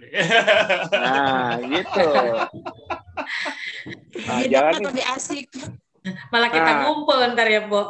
Nah, nah, terus gini, gini, gini. Asal jangan masak loh. Iya, jangan masak ya. Bisa gini. Misalnya teman-teman di mana? Di puskesmas ya? Apa di Dintes? Ya. Puskesmas. Di puskesmas. Oh, puskesmas nah, misalnya, misalnya teman-teman di puskesmas ini banyak yang tertarik, ini pesanku. Ya, ini pesanku. Jangan ajak mereka bilang ya kalau udah KF harus seumur hidup. Jangan. Ja, walaupun walaupun walaupun kita walaupun kita tahu walaupun banyak orang yang udah bertahun-tahun di KF merasa nyaman itu karena mereka sudah menjalankan jadi mereka ah aku sampai seumur hidup pun bisa nih. Karena sudah menjalankan. Tapi contohnya Mbak Wayan yang belum tahu KF yang baru pengen untuk fungsi terapeutiknya kalau aku suruh seumur hidup pasti udah kebayang duluan. Ya saya nggak bisa makan mie ayam lagi dong saya nggak bisa makan nasi uduk lagi dong saya nggak bisa makan apa pun yang sekarang lagi suka dari karbo bakwan Patio Ya, bakwan. Nanti sebulan nanti, sekali. nanti, sebulan nanti, nanti malah nggak berani coba. Kenapa? Karena mikir aku nggak sanggup kalau nggak makan karbo. Aku nggak sanggup kalau nggak ada indomie. Aku nggak sanggup kalau nggak makan apa gitu yang manis-manis. Apa pun itu. Jadi jadi selalu ajak ajak Mbak Wayan dan teman-teman yang belum nyoba untuk cobain cuma sebulan deh. Hmm. Nanti kalau udah sebulan, tanya ke badan sendiri mau lanjut apa enggak? Mudah enggak? Hmm. nggak makan karbo. Kalau sekarang kelihatannya nggak makan karbo itu sulit. Tapi aku tanya setelah sebulan nanti tanya lagi ke badannya. Mbak dede juga baru tiga minggu udah banyak perbaikan tapi tunggu sampai sebulan terus tanya lagi. Masih mau lanjut nggak enak nggak nggak bengkak. Susah nggak sih ngindarin nasi susah nggak sih ngindarin bakwan kalau belum nyoba pasti kayaknya waduh nggak mungkin tapi setelah jalanin lama-lama cravingnya turun. Karena apa? Begitu otaknya udah pakai keton, udah nggak hiperaktif lagi, excitatorinya udah nggak tinggi lagi di otak, lebih kalem. Harusnya lebih bijak untuk memilih makanan. Kenapa? Karena udah nggak cepet lapar lagi kan? Emang Mbak Dede setelah KM masih tiga minggu masih cepet lapar nggak? Masih sekarang. Masih ada masih masih cepet lapar? Uh, masih, masih, susah, masih. Jadi Mbak Dede kalau Mbak Dede kalau pas puasa dari jam jam 12 itu masih gampang kelaparan? Uh, iya, makanya saya itu apa mana uh, minum minum air putih aja terus diiniin. Enggak, enggak. Kan, kan, kan, kan kalau Mbak Dede sebelum KF kan Mbak Dede biasanya selalu sarapan. Oh iya.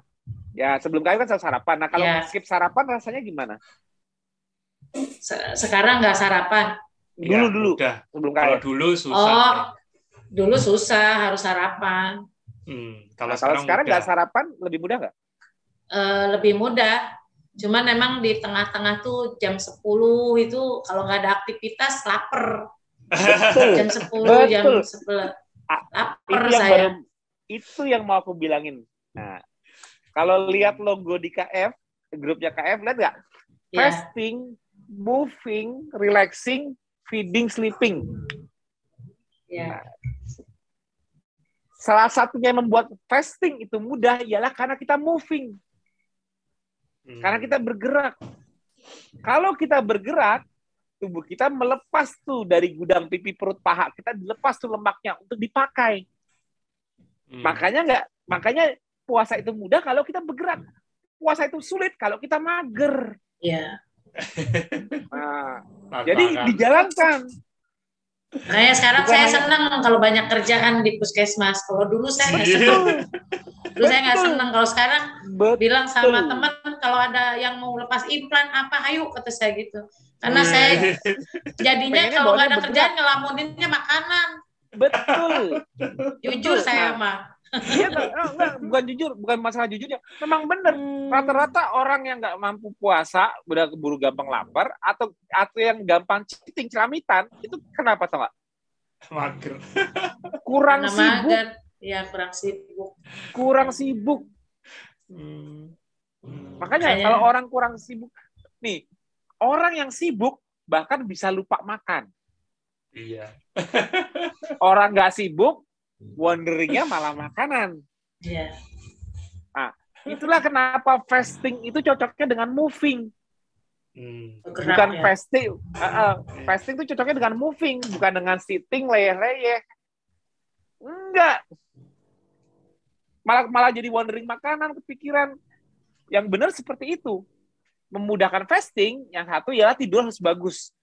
Jadi walaupun moving pun kalau tidur nggak bagus, tetap aja kerasa lapar kalau tidurnya nggak bagus. Jadi modal pertama dengan tidur bagus, fasting itu mudah, skip sarapan itu mudah.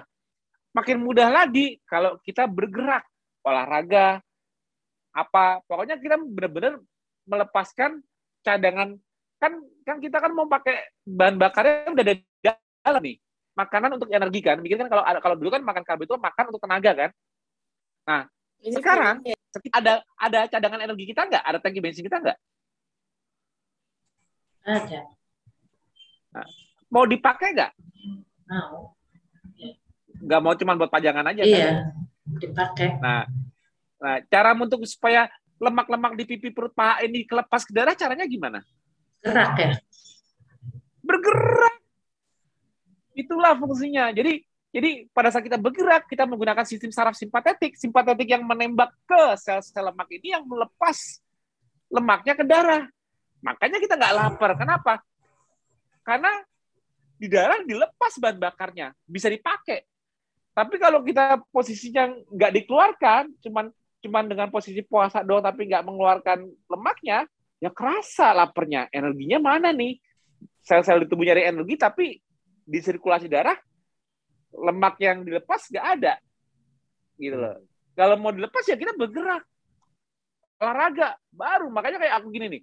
Aku habis nge-gym wah rasanya fresh banget. Nggak lapar.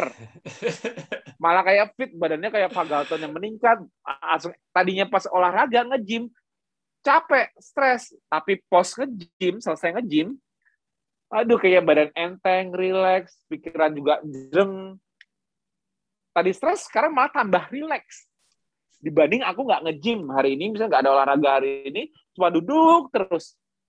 Malah aku malah rileksnya malah turun. Jadi movingnya itu movingnya itu yang memancing supaya keluar bahan bakar kita. Itu kuncinya. Ya. Jadi kalau udah mulai KF mulai rajin bergerak. Fasting moving Ya walaupun Mbak belum olahraga, misalnya masih ada keluhan, masih ada nyeri di kaki apa-apa, karena jadi sulit olahraga, oke okay, Tapi yang penting aktif fisik deh, supaya ngelepas dulu. Hmm. Gitu loh.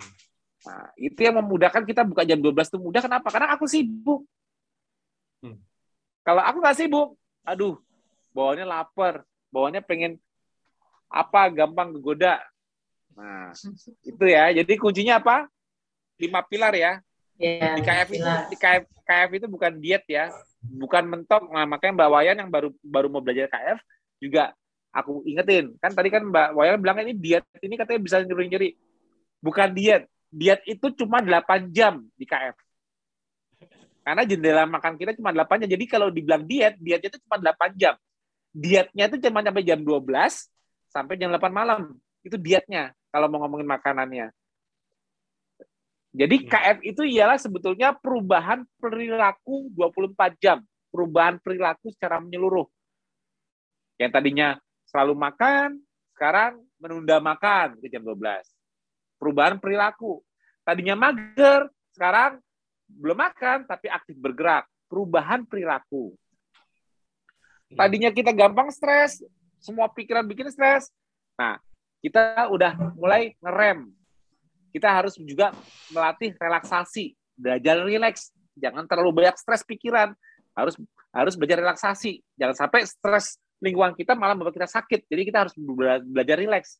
Perubahan perilaku. Hmm. Baru deh diet. Habis udah relax, bisa makan. Nah, makannya, dietnya apa nih? Dietnya gak makan karbo. Ya. gak makan karbo. Dietnya apa? Biasanya kalau diet kan dikasih tahu, Mas. Saya harus banyakin apa nih yang banyak banyak protein, mineral, vitamin apa? Bebas tapi jangan ada karbo. Ya. Karena kalau gandum, gandum masuk karbo ya, Pak Tio? Iya. Itu ya, kan belajar kan akhirnya. Iya, jadi, jadi itu jadi katanya kandung beras merah. Ya. Tidak, tidak itu, itu bohongan itu karbo itu. Itu karbo bukan? Karbo sih. Ya udah. Jadi jadi begitu masuk dietnya ialah identifikasi apa itu karbo, mana karbo, hindari selesai. Hmm. Terus yang hmm. dimakan apa? Apa pun selain karbo. Boleh makan ikan hmm. nggak? Hmm. Ikan karbo bukan? protein. Ayam? Ayam protein hewani. Udang? Uh, protein juga. Kerang? Protein. Burung? Protein hewani juga. Tuh ada ada di di di, di, di komentar. Saya tuh. udah beli beras merah banyak. Saya Patio. Waktu lagi dia waktu lagi itu dikasih diabetes kan pakai itu, pakai beras merah ceritanya. Tapi masih ya, kan, sakit ya. Iya, karena kan cuma menurunin kadar glikemiknya doang. Tapi kan nggak benar-benar memicu anti nyerinya, anti inflamasinya, ketosis lah. Jadi yang membuat Mbak sekarang udah nyerinya pada hilang karena apa? Karena makan apa? Karena makan nggak makan karbo. Betul. Bukan karena makan apa. Bukan ternyata jawabannya bukan karena makan apa, tapi karena nggak makan karbo jawabannya di dietnya. Hmm. Betul kan?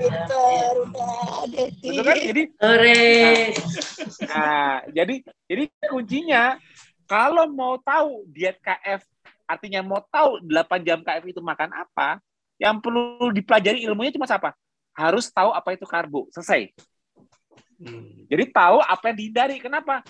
Nanti Mbak nggak sibuk nanya. Kenapa? Makanan itu cuma satu apa ribuan namanya? Ribuan. Ribuan. Nanti nanti kalau Mbak Mbak nggak nggak nggak mau belajar apa itu karbo, nanti bolak-balik nanya mulu, nanya makanannya. Eh, ini keju boleh nggak ya? Boleh. Oh, Bo, berarti sotomi masih boleh, Bo, sotomi. Iya, nah, tanpa nah, mie. Sotomi, sotomi. Tanpa mie. Jangan pakai mie.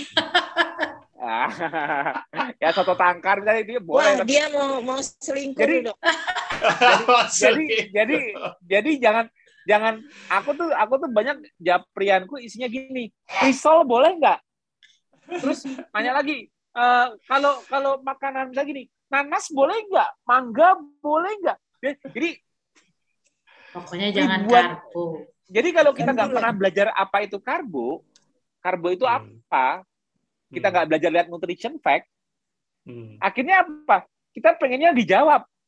Ini boleh nggak? Itu boleh nggak? Kenapa? Karena kita cuma tahunya makanan. Padahal makanan itu kan cuma nama. Hmm. Yang menjadi yang menjadi gula itu kalau gini. Sekarang gini, makan nasi.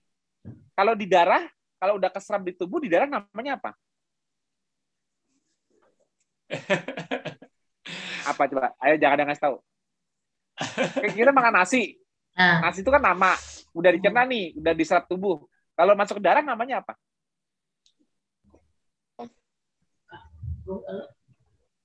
Nasinya jadi apa? Jadi apa? Tenang, glukosa ya. Eh. Nah, itu gula eh jadi glukosa ya? Iya, glukosa ya. gula sama kan? Iya. Ya, gluko gula itu kan glukosa kan? Iya. Gula, glukosa, sugar. Nah, sama kan? Hmm. Nah, kalau makan nasi merah, ada juga jadi apa? Sama ya. Sama. Oke, sekarang kalau makan roti di darah namanya apa? Roti ya roti kan. Hah? Di darah? Roti Oh, di darah. ya roti. Kirain di daerah ya. Ya sama jadinya itu. Jadi gula juga ya. Nah, jadi buat jadi buat Deh, jangan sedih lah, Deh. Iya, makanan yang gua doyan semua, Mbok. Tiga minggu cerita. belum ikhlas ya, belum ikhlas. jadi Secara tukang masak doang. jadi jadi jadi kalau mau nanya nama makanan banyak nggak namanya? Tapi kalau kita kita menjadikan satu di kalau udah diserap ke darah namanya apa jadi sama semua nggak? Iya. Iya. Iya dok ya. Jadi, nah jadi jadi kenapa aku kasih tahu belajar apa itu karbo sehingga tahu kita tidak mau masuk gula ke darah itu doang. Jadi dengan dengan kita terus makanan dimakan apa yang tidak menyumbangkan gula ke darah kan gampang.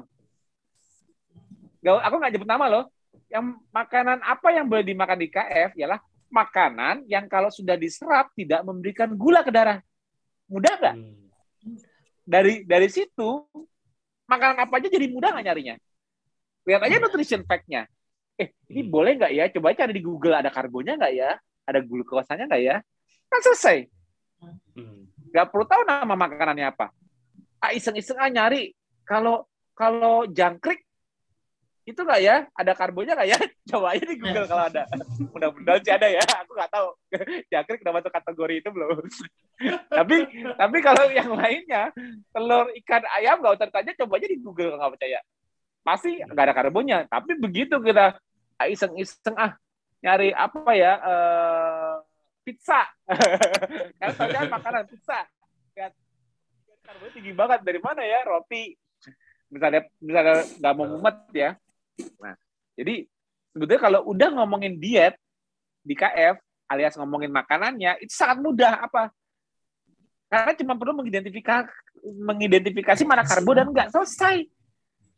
Hmm. Udah, artinya dengan aku tidak makan apa pun yang mengandung karbo, aku tetap keto ketosis. Kalau aku tetap ketosis, nyeriku tetap terjaga hilang nggak? Hmm. Ya terjaga. Aku tetap hilang nggak? Nah, yeah. jadi jadi bikin tujuannya kayak gitu. Emang sih roti enak, emang sih ini enak, tapi kan lebih penting mana? Lebih penting nikmat sesaat di lidah atau lebih penting tubuhnya yang sehat? Hmm. Ya, sekarang mikirnya begitu sih emang. Ya, itu makanya harus kalau udah nanti.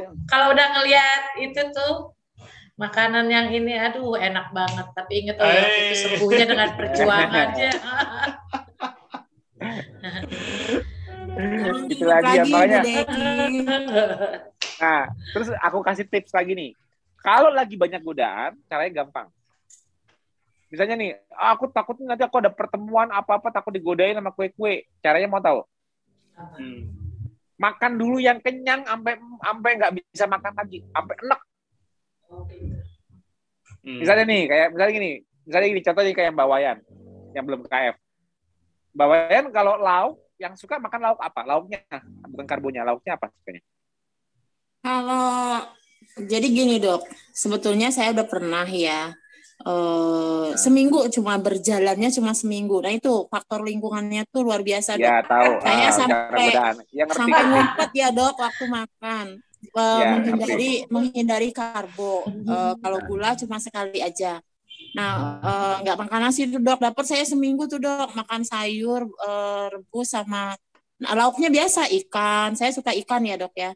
Uh, terus uh, ayam, tengah telur seperti itu. Dapat tuh seminggu perut saya kempes dok. iya, terus habis itu gagal Habis itu nambah lagi. ya itu nah, dok. Ini triknya ya, triknya ya. Nanti ya, mulai lagi, mulai lagi. Suka ikan kan? Nah, sebelum ya, ketemu ling sebelum ketemu lingkungannya, makan ikannya sampai lima deh, sampai enak. Hmm. Nah, sekarang udah kalau udah enak gitu makan ikan lima, terus di depan ada yang godain ngasih bakwan, masih mampu nelen nggak? Udah enak nih, udah mual. Masih mau nggak hmm. bakwannya? Udah enak loh. Suka bakwan. Hah? Saya nggak suka bakwan. Ya sukanya apa karbo? Iya. Sukanya roti, apa, sukanya roti dia mah. Kalau bakwan saya. Oh, bakwan Mbak Dede tadi aku dengar saling buka kartu.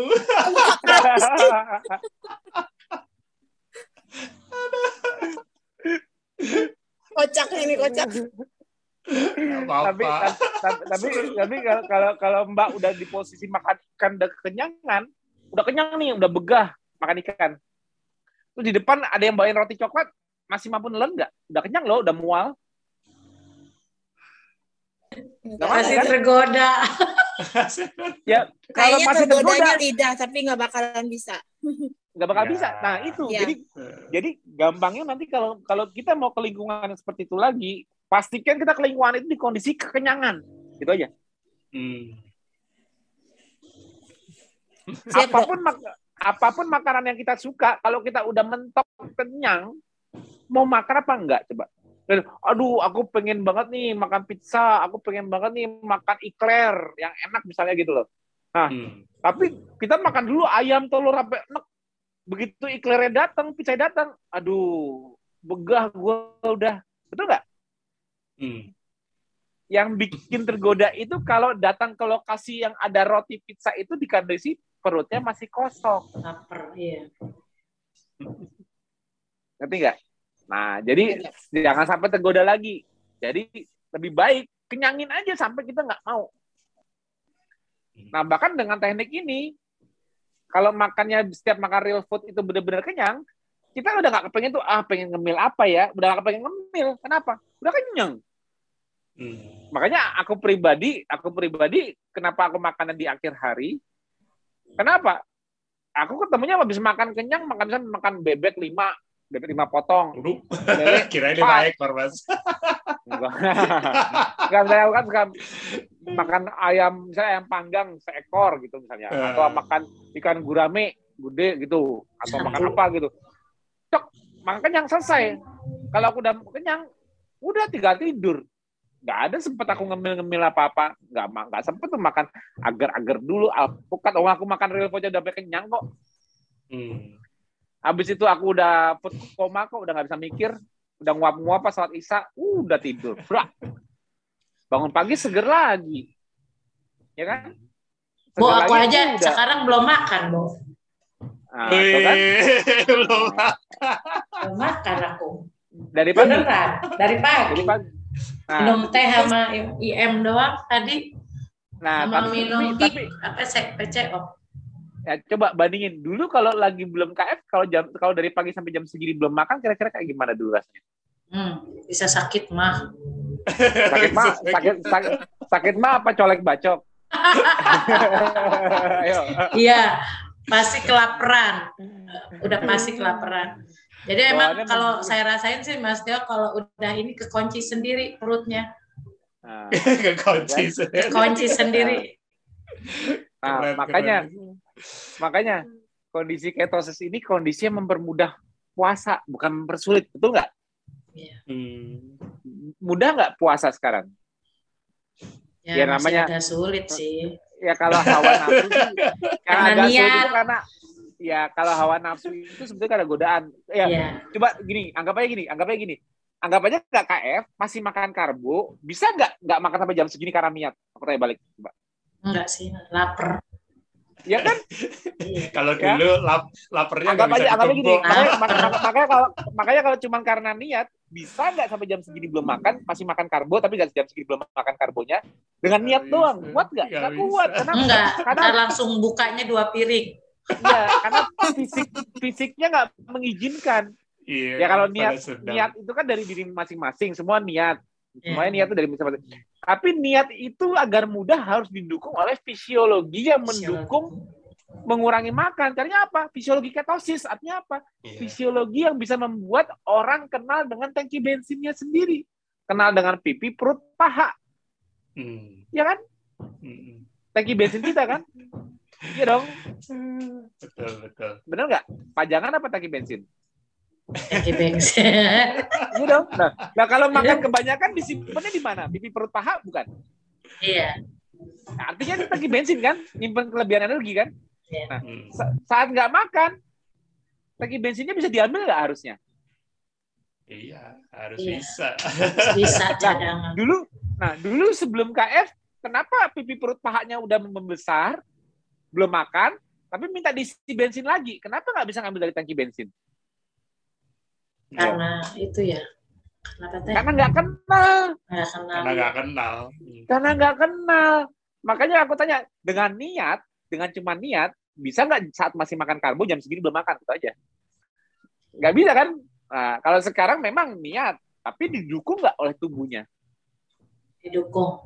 Ya, karena tubuhnya masih memberikan lagi bensinnya dikeluarkan. Itulah ketosis. Ketosis itu artinya membuat tubuh kita kenal dengan tangki bensin. Hmm. Jadi kita nggak sah nggak selalu energinya dari makanan. Kenapa? Oh energi di badan masih melimpah kok. Hmm. Iya dong. Dulu salah gembok Mbak Deki.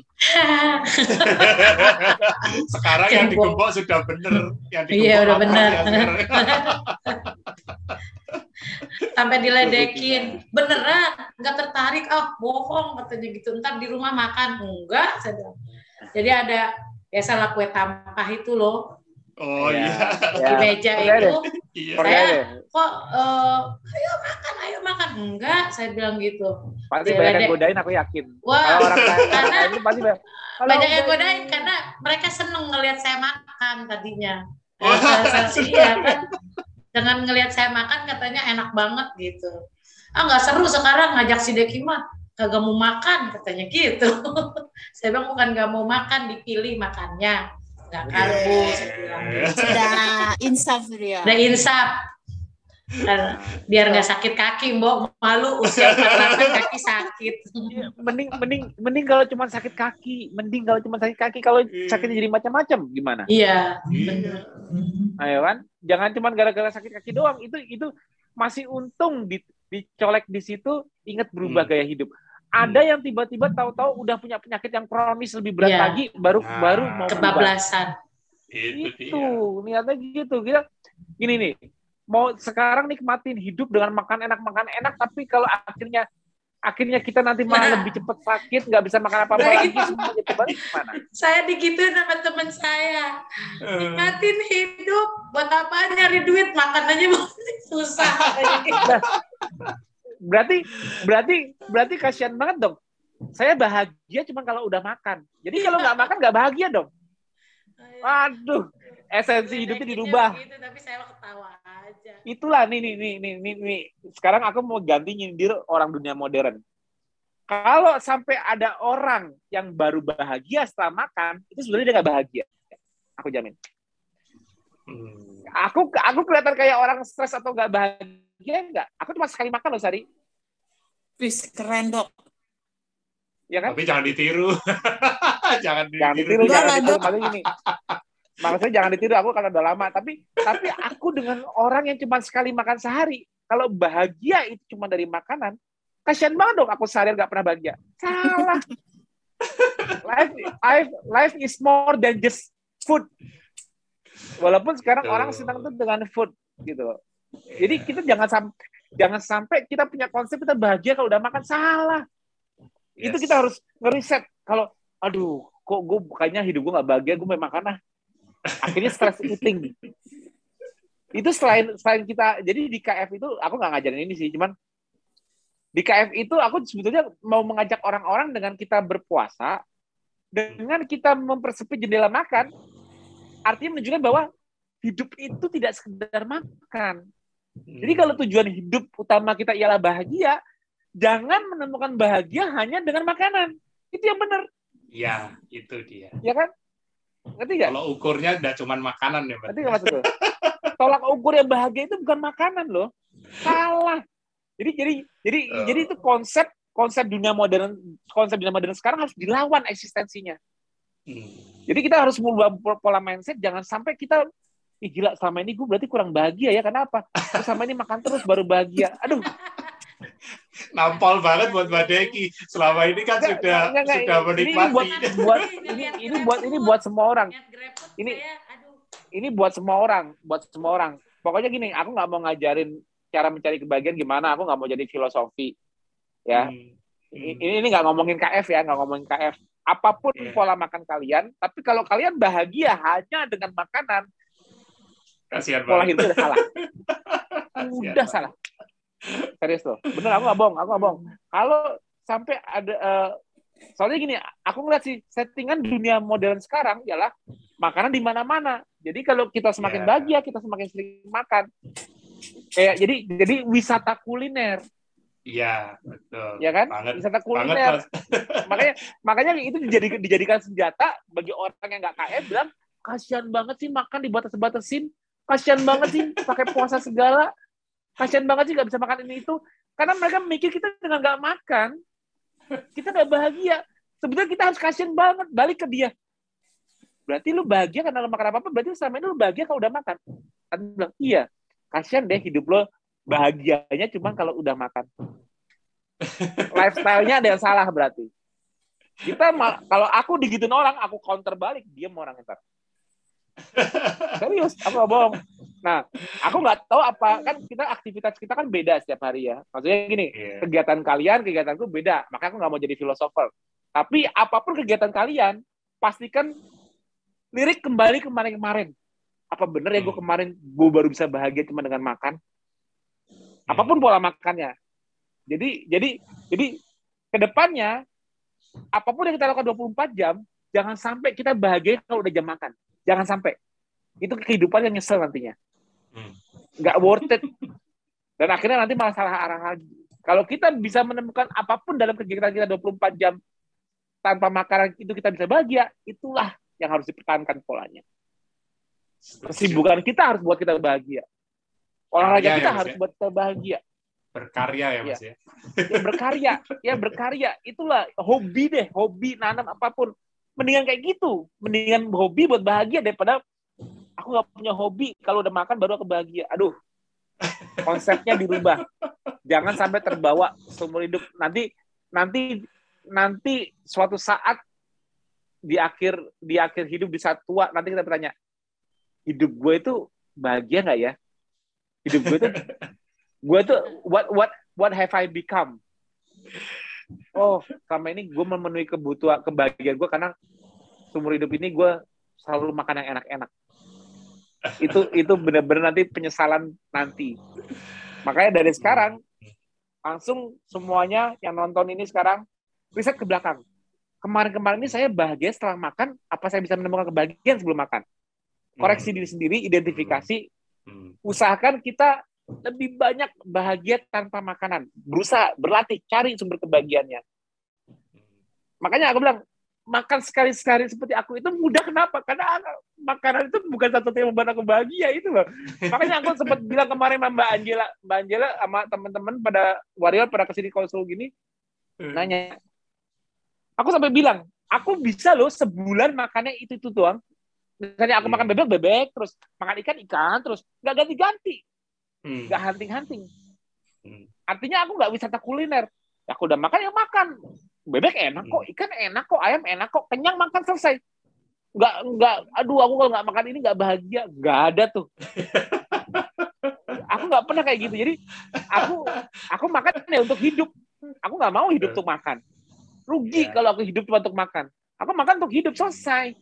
Yes. Nah kalau aku bisa seperti itu dengan aktivitasku dalam 24 jam, aku nggak mau ngasih aktivitasku apa, tapi Aku nggak boleh orang nyamain aktivitasku, kan orang yeah. pasti punya kegiatan sendiri pasti. Betul, Tapi pastikan betul. pastikan kamu mulai mulai berusaha enjoy dengan apa yang kamu lakukan di hal-hal selain makan.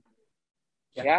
Itu resep langgeng di KF. Bahagia tanpa perlu masuk makanan dulu. Itu resep langgeng bisa punya gaya hidup sehat, membatasi jendela makan. Kenapa? Jangan sampai kita menanti-nanti jendela makan hanya untuk dapat bahagia di sana. Ini ini pesanku buat semua orang KF dan non KF. Hmm. Dan kalau kita udah punya prinsip kayak gitu, jangan takut lagi ada yang ngebully. Kasian banget sih lo nggak bisa makan mie ayam. Kasian banget itu. Emang cuma mie ayam doang bisa gue bikin gue bahagia. Gitu aja. Emang cuma donat doang bisa bikin gue bahagia. Balikin aja. Itu. E. Tapi bukti. Tapi kita harus benar-benar dapat konsepnya dulu. Buktikan kita bisa bahagia dulu tanpa makanya jadi kalau kita diserang kita bisa ngomong balik ya gue sih begini juga seneng kok. Gue nggak gue untuk bahagia nggak harus gue makan tuh pizza. Harus makan itu. Nah kalau hmm. orang yang yang terkerucut dia itu baru bahagia setelah makan begitu KF dia makan dibatasi malah aduh kok jadi nggak bisa ini ya? Ditawar ini nah, itu nanti malah memberatkan diri sendiri. Makanya uh. ini mungkin pertama kali aku berpesan seperti ini di TV tapi ini pesan yang pesan moral yang sangat penting. Dan orang-orang jangan sampai jangan sampai apa ya terbuai dengan dunia modern yang yang banyak apa ya dunia modern ya. yang banyak pilihan makanan prinsip jadi salah kaprah. Nah Betul. jadi gini nih ini percaya nggak? Percaya nggak? Aku satu minggu ke mall. Tapi di mall tuh aku bahagianya bukan bahagia. Kalau orang ke mall bahagianya mau wisata kuliner nyari makan apa apa aku enggak aku ngelakuin yang lain selain makan. Yang buat bahagia di mall. Mall atau misalnya uh, ngajak ngajak Alif apa gitu ke Dufan apa apa ya. Kan itu suatu permainan apa itu pun hal-hal yang tidak perlu dengan makan baru bahagia. Gitu loh jadi jadi kita harus harus jangan sampai dalam 24 jam hidup kita itu kita kita nggak tahu cara bahagia tanpa makanan. Itu yang nggak boleh. Itu sangat tidak boleh. Itu pesanku untuk semua orang dengan pola makan apa pun. Karena itu hmm. itu nanti jadi jadi bumerang. Jadi dia ngikutin flow-nya arus obesogenic environment di mana-mana hmm. menawarkan kebahagiaan lewat makanan. Ini gue makan ini lebih enak loh. Gue gue di sini bikin pizza ini enak loh. Abis makannya kamu bahagia. Gini gini. Aduh itu itu itu itu mah makanya aku mah udah nggak itu semua udah nggak mempan untukku. Aku mau ditawarin apa pun nggak mempan untukku. Kenapa? Karena aku udah punya konsep living yang bahagiaku tanpa makanan. Pada saat makan aku makan. Tapi bukan berarti saat makan itu saat paling terbahagia dibanding saat aku belum makan salah. Sekarang aja aku bahagia. Ayo. Tadi mbak Deki tadi mbak Deki sudah kasih clue-nya juga tuh. Ya sekarang sudah jauh lebih bisa berdampak di puskesmas ya kan? Bisa oh ya saya kalau mau im, yang implan-implan oh ini ayo. Ini karya loh ini, ini bukan naik turun tangga sombong. Nah, nah pokoknya apalagi mbak Deki kan sombong bisa naik turun tangga gitu katanya. Ya, yeah. ya bahagia dong, bahagia dong. Bilang gitu. Ya, ya iya dong. Bilang, bilang, oh sombong udah bisa naik turun tangga sambil makan pizza atau donat. Oh, nom, ya, karena aku, makanya gini ya, itulah karena aku nggak selalu makan. Makanya sekarang aku bisa naik turun tangga. Karena aku nggak selalu makan, makanya aku mendapatkan berbagai kebaikan yang dulu aku tidak dapat kebaikannya. Jadi pastikan saat Mbak, karena aku bilang tadi gini, fasting, moving. Hmm. Yang memudahkan fasting itu moving. Pastikan kondisi fasting, pastikan kondisi fasting yang dengan movingnya, movingnya ini hal-hal yang membuat bahagia. Contohnya aku, orang kalau disuruh olahraga, aduh, olahraga kayak suatu kewajiban. Kebalik, kalau aku, aku yang butuh olahraga. Hmm. Ngerti gak? Aduh aku bilang aduh hari ini nggak olahraga kayaknya badan nggak enak. Gitu. Hmm. jadi supaya badan enak aku harus olahraga. Hmm. jadi aku butuh olahraga nih kalau nggak aduh ada waktu nggak ya untuk olahraga? Nih kalau orang tadi ini gini deh. Mungkin di sini ada warrior-warrior yang udah ngikutin aku dari 2016 yang aku kalau diundang ke seminar mana pun diundang ke seminar mana pun di luar kota aku udah keliling Indonesia pasti aku selalu nyari hotel yang ada apanya ada gymnya. Ada gymnya kan? Karena aku yang butuh. Kan ya? Karena aku yang hmm. butuh. Karena aku nggak bakal bisa maksimal nanti seminarnya kalau aku belum nge-gym. karena aku aku harus ada apa yang membantu aku untuk aktivitas jadi jadi aku yang butuh olahraga bukan eh di KF harus olahraga ya ya itu kelemahanku aku orangnya nggak pernah olahraga itu karena dia belum merasa butuh dengan olahraga tapi kalau sudah menjalani tahu hmm. kalau abis olahraga aku malah seger ya abis olahraga aku malah ini nanti nanti begitu nggak olahraga kayaknya aduh kok kayaknya badannya nggak senak kalau hari olahraga ya. Akhirnya kita yang butuh. Dan kita hmm. pas olahraga itu kita jadi have fun gitu seneng gitu. Aduh asik abis olahraga gue bakal jadi lebih enak. Misalnya jadi hmm. berpikir seperti itu. Itu salah satu hal yang membuat bahagia. Aduh gue mendingan kerja deh aktif fisik deh. Kalau hmm. gue aktif fisik dan gue bahagia gue gak cepet lapar. Ah jadi jadi caranya itu jangan membuat sesuatu hal itu menjadi wajib tapi kita yang butuh. Itu kuncinya bahagia. Kalau kita wajib kita kayak suatu keharusan. Kita terpaksa. Hmm. gitu loh. Enggak. Makanya kalau fit rasakan deh. Nanti kalau udah udah lama KF udah mulai olahraga kita rasakan deh.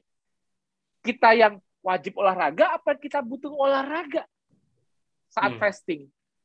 Kita yang aduh kalau itu harus moving ya fastingnya ya?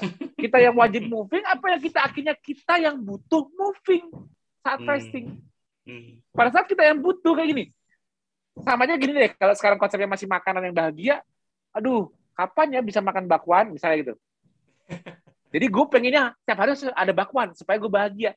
Kan akhirnya kita yang butuh bakwan kan untuk bahagia. Iya nah, iya. nantinya buat olahraga kita yang butuh supaya gue bahagia seperti habis makan bakwan misalnya gitu aktif bergerak karena udah membuktikan setelah olahraga setelah beraktif bergerak aku nggak lapar cara mikir lebih enak hmm efeknya kok sama ya kayak dulu kalau habis makan bakwan baru bisa diajak ngobrol sama orang, baru bisa pikir, baru bisa tenang. Karena udah senang duluan. Nah, pastikan kita dapat efek relaksasinya dengan apa yang kita lakukan tanpa makan. Itu ya itu, itu cara trik mencari. Aku apa ya kata Mas Tio suruh mencari suruh mencari aktivitas tanpa makanan yang membuatku bahagia apa ya. Nah, salah satunya contohnya kalau udah terbiasa bahagia setelah makan, ya pikir aja. Coba lakukan sesuatu yang dapat efek feelingnya sama hmm. seperti habis makan, gitu aja.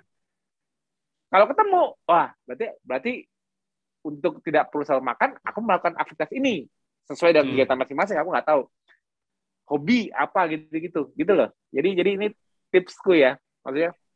Sip. Maksudnya kenapa life is not all about food. Makanya makanya para warrior yang udah lama ngikutin dari udah, udah, udah 2016 pun juga udah tahu aku ialah satu-satunya founder yang paling jarang bicara makanan. Nggak ada sesuatu yang aku dewakan superfood, nggak ada karena karena aku uh, selalu mengajari orang ya sub misalnya aku suka ikan belum tentu orang lain suka ikan yep. ya kan nah gitu loh jadi jadi intinya aku nggak mau mendewakan suatu makanan karena nggak mau membatasi apa yang bisa dimakan oleh para warrior. Hmm. karena mereka sendiri juga udah belajar membatasi tidak makan karbo. Jangan sampai pilihan selain karbo mereka jadi terbatas. Jangan. Hmm. luas. Hewan kan sumbernya luas. Ya kan? Nggak bisa makan aku nggak suka makan daging suka makan ikan. Boleh. Aku nggak suka ikan suka makan daging. Boleh. Aku nggak suka makan lemak. Sukanya makan yang nggak berlemak. Boleh. Tetap aja pasti kalau makan hewan di lemaknya nggak ada pasti hmm. nggak ada gajinya tetap ada lemaknya. Namanya hewan nggak mungkin nggak ada lemaknya. Hmm. ikan kan nggak ada gaji mas. Peres yang keluar apa? Ya udah itu lemak. Selesai. Kan? Nggak mungkin kamu nggak nggak nggak makan lemak. Kasih makan. Jadi nggak usah pusing-pusing gitu harus banyakin lemak banyakin protein. Emang hmm. mau kita ngitung-ngitung mau makan ngitung dulu. Kalau mau makan ngitung dulu. Gitu loh. Hmm. ngapain? Pokoknya makan makan kenyang nikmat nggak ada karbonnya selesai tidur pulas besok repeat dah jari lagi bangun pagi nggak kepikiran makanan lagi. Hmm. Nggak kepengen datang ke kantor, lihat orang-orang masih pada hmm. kerja sambil ngemil, makan apa nyomot, ada aja yang ke kantin sebentar bawa ini, ya biarin aja tuh mereka. Hmm. Mbak Dede bener nih nggak makan, nggak bener nih nggak pengen, enggak biasa aja. itu sampai nanti bisa bilang kayak gitu. Itu baru top warrior. harus bisa jadi jadi abis, abis ngobrol kayak gini sama aku harusnya lebih termotivasi lagi hmm. jangan hmm. jangan gitu makanya makanya sekarang mungkin bisa dibully atau diceng-cengin percaya deh nanti saat Mbak udah mencapai bisa lama terus mencapai banyak kesehatan dan malah menginspirasi. Akhirnya apa? Yang tadinya ngebully pengen diajarin. Itu aja tadi udah dapat satu Mbak Wayan. Nah, ya bener gak? jadi jadi jadi gini kayak, kayak, jadi jadi jadi jadi jadi kita itu walaupun aku tahu kita itu tinggal di mainstreamnya sekarang karbo tapi hmm. kita nggak perlu selalu ikut arus. Hmm. Artinya gini, kita yang out of the box, kita yang keluar arus, justru malah membimbing orang-orang yang arusnya salah ke arah ngikut arus kita. Jadi kita yang harus berani start sebagai motivator. Di tengah lingkungan kita, di keluarga kita, nggak ada yang kayak cuma kita sendiri doang. Ya fine aja, biasa. Hmm. Somehow, nantinya, kalau kita, jadi gini, seseorang itu menjadi inspirator bukan terlihat dari ilmunya aja, tapi apa? Dedikasinya. Hmm. Konsistensinya. Dedikasi konsistensinya itu yang membuat orang kagum dengan apa pun yang dia kerjakan. Itu yang disebutnya, disebutnya menginspirasi. Hmm. Masalah berprestasi apa enggak, itu nomor dua. Tapi dedikasi, konsistensi, itu kuncinya. Itu yang menginspirasi orang. Kenapa? Karena yang paling sulit bagi banyak orang itu ialah dalam berbagai hal melakukan sesuatu ialah dedikasi dan konsistensi rata-rata hmm. susah. Apa pun misalnya kita tekun belajar ini kita tekun belajar itu kadang-kadang dedikasi dan konsistensinya itu yang sering jadi gangguan. Masalah berhasil atau prestasinya apa enggak itu nomor dua. Kuncinya dedikasi tapi kalau kita bisa menunjukkan bahwa kita di KF ini berdedikasi dan konsistensi dan kita nggak takut dibully kita bilang ya begini lagi makan rame-rame. Ah nggak nggak asik lo dek mbak Deki nggak asik lo nggak makan mie ayam ya udah makan aja gue temennya nggak apa-apa kok gue nggak ngiler makan aja makan kalau misalnya misalnya misalnya di ini wah nggak ada nggak ada nggak ada yang bisa dimakan karena karbo semua ya udah temenin aja mereka makan ya ngobrol. Kan orang makan biasanya kalau teman-teman kata ngobrol-ngobrol. Nanti nanti lama-lama mereka ih hebat ya mbak Deki ya.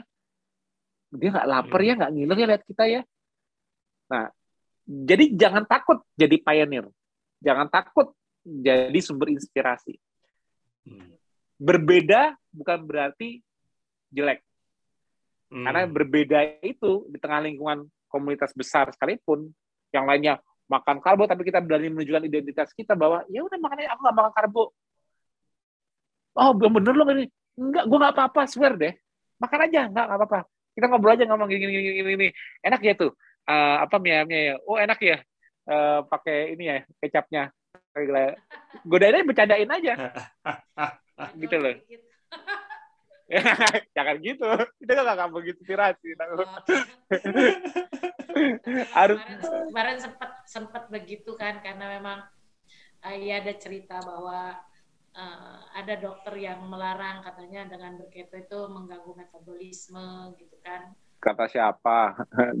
Iya itu dokter penyakit dalamnya dok yang ngomong gitu. Terus nah itu di di di grup kita juga ada tuh SPPD SPPD banyak penyakit dalam juga saya bilang tapi saya nggak keganggu. Saya bilang malah saya jadinya hilang. Tapi karena dia meyakinkan gitu saya jadi agak agak apa ya ya wajar mungkin karena kan saya baru juga ilmu yang saya dapat juga tentang berketo ini juga emang baru minim gitu ya. Ya untuk bertanya juga saya agak sungkan awal-awalnya kan karena yeah. memang belum harus saja bertanya. nah gitu kan. Tapi akhirnya ya uh, saya kembali lagi bahwa ini memang pilihan saya dan saya memang sudah ya. merasakan ya. manfaatnya. Betul, jalani dan rasakan sendiri. Uh, saya istilah kata mah uh, nggak ya mudah-mudahan sih nggak akan tergoyahkan gitu. Amin. pasti bisa merasakan manfaatnya. Gitu. Ya pasti inilah godaannya pasti lebih banyak. Uh, terus uh, ya apalagi yang sekelas yang ngomongnya adalah orang yang memang kompeten gitu kan di dalam ilmu kedokteran. Jadi eh, apa namanya eh, kita juga ada pasti ragu terus teman-teman yang tadinya mau ikut, Ih, jangan lu ntar kayak gitu loh gitu. Jadi eh, akhirnya saya membalikan ke diri saya, saya akan challenge dulu tubuh saya masa sih uh, orang men, apa namanya um, menganjurkan untuk membahayakan kan nggak mungkin pikir saya seperti itu.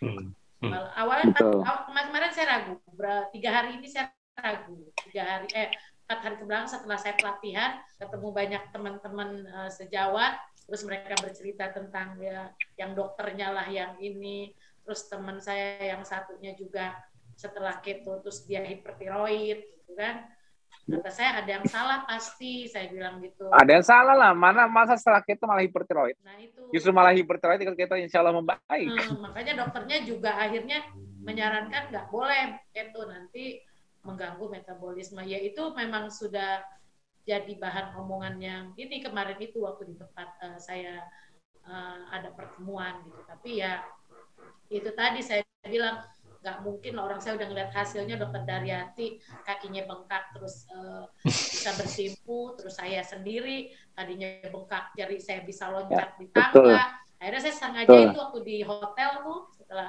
istirahat teman saya ngajak ngobrol tapi saya loncat-loncatan di tangga gitu turun ya udah ah. duluan ya gitu saya loncat-loncat gitu ya uh. maksudnya saya mau saya ngini diri sendiri kalau saya uh, saya pengen ngeliatin kalau uh, mudah-mudahan ini inilah yang udah saya pilih gitu. Maksudnya ya memang saya merasakan. Awalnya kan Betul. saya jangankan untuk ini turun tangga aja kayak nenek-nenek kan pasti saya pegangan di sebelahnya. Apa sebelah tangga itu apa namanya itu? Uh, yang ininya yang pegangannya gitu kan. Hmm. uh, terus juga uh, kalau naik ke atas juga aduh kayaknya ngelihat tangga tuh udah tersiksa belum juga naik udah merasa tersiksa. Tapi hmm. sekarang saya kaget juga gitu ya. Ini sendiri. Yeah. Oh saya bisa ini gitu ya, hmm. ya enggak enggak cuman itu aja mbak pokoknya kuncinya kuncinya selalu percaya dengan apa yang mbak rasakan kalau memang masa ada yang pas dirasakan lagi nggak bagus rasa kayak ada gejala, langsung identifikasi ke belakang lagi apa yang salah. Terutama lihat faktor tidurnya, baru mundur ke belakang lagi. Atau kalau perlu tanya ke aku langsung kalau ada masalah. Itu kuncinya. Jadi hmm. jadi kuncinya mbak untuk konsistensi seperti itu. Nggak usah nggak usah langsung takut apa. Banyak kok nih, tau nggak? Percaya nggak? Banyak kok yang udah pernah KF keluar cuma gara-gara ditakutin ini takutin itu mereka keluar. Sekarang mati-matian berusaha pengen balik KF lagi. Badannya udah nggak enak lagi, apa-apa. Aku bilang, ya hmm. kenapa kamu gitu kamu? Ya katanya kalau nggak makan karbo bisa gini mas, gitu mas. Timbang kayak gitu udah. Terus kamu sekarang gimana? Udah udah udah udah udah kembali yang jangan salah di pandemi ini banyak yang lepas KF. Tapi akhirnya bolak-balik jawab aku, Mas, aku pengen balik lagi, aku udah gimana ya supaya stopnya badanku udah gak enak lagi gini. Aku gini, kenapa kamu lepas awal? Ya, ya itu ada empat tuh ada ada kasus ini, kasus ini, gini, gini, gini. Oke, okay, kasus-kasus itu kasus orang. Kamu gimana sekarang rasanya kalau setelah makan karbo? Ya udah mulai muncul lagi sih mas. Ya, enakan mana? Waktu kamu KF apa sekarang udah makan karbo? Ya kalau badan sih enakan enakan pas KF dulu. Tapi aku mau mulai KF lagi susah mas. Gak tahu ini gimana. Aduh kayaknya lepas karbo sekarang jadi makin lebih susah dibanding dulu. Percaya nggak? Mereka udah KF, lepas balik makan karbo, mau balik KF itu lebih susah dibanding saat mulainya pertama. Hmm. Mereka lebih craving lagi dengan karbonya malah. Iya. Itu mereka mati-mati pengen berubah kembali ke KF. Hmm. Ya awalnya mereka lepas dari KF ya aku terserah. Aku kan bukan ini kan KF itu kan pilihan. Yes. Kalau akhirnya mereka terjerumus ke sana, ter, terbawa arus ke sana ya monggo, aku nggak pernah ngelarang. Hmm. Tapi jangan salah, nggak segampang itu baliknya lagi saat sudah craving karbo lagi. Wah, mendingan mendingan mendingan pada saat pertama niat mulai KF itu lebih mudah karena udah puas dengan karbonya dibanding kembali ke karbo lagi mau kembali ke itu susahnya minta ampun. Kenapa? Karena craving karbonya di double. Hmm. Dan dan dan begitu keluar dari KF melarnya juga lebih cepat lagi. Hmm. Dan malah malah gejalanya malah jadi aneh-aneh nanti. Karena biasanya jadi bablas makan karbonya pos KF. Hmm. Kayak jadi kayak balas dendam.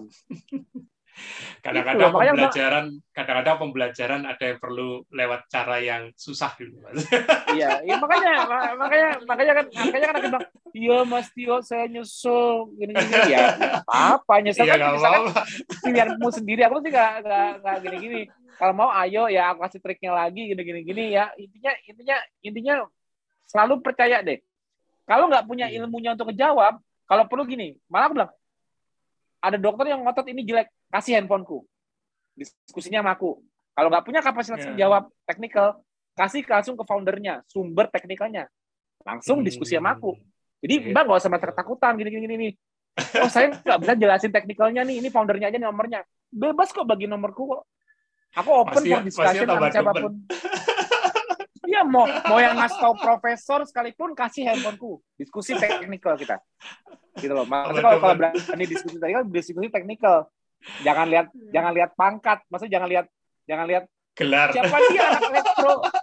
Ya kan, apalagi aku anak elektro. Harusnya makin makin makin nggak perlu takut dong diskusi teknikal. Masa takut yeah. sama anak elektro?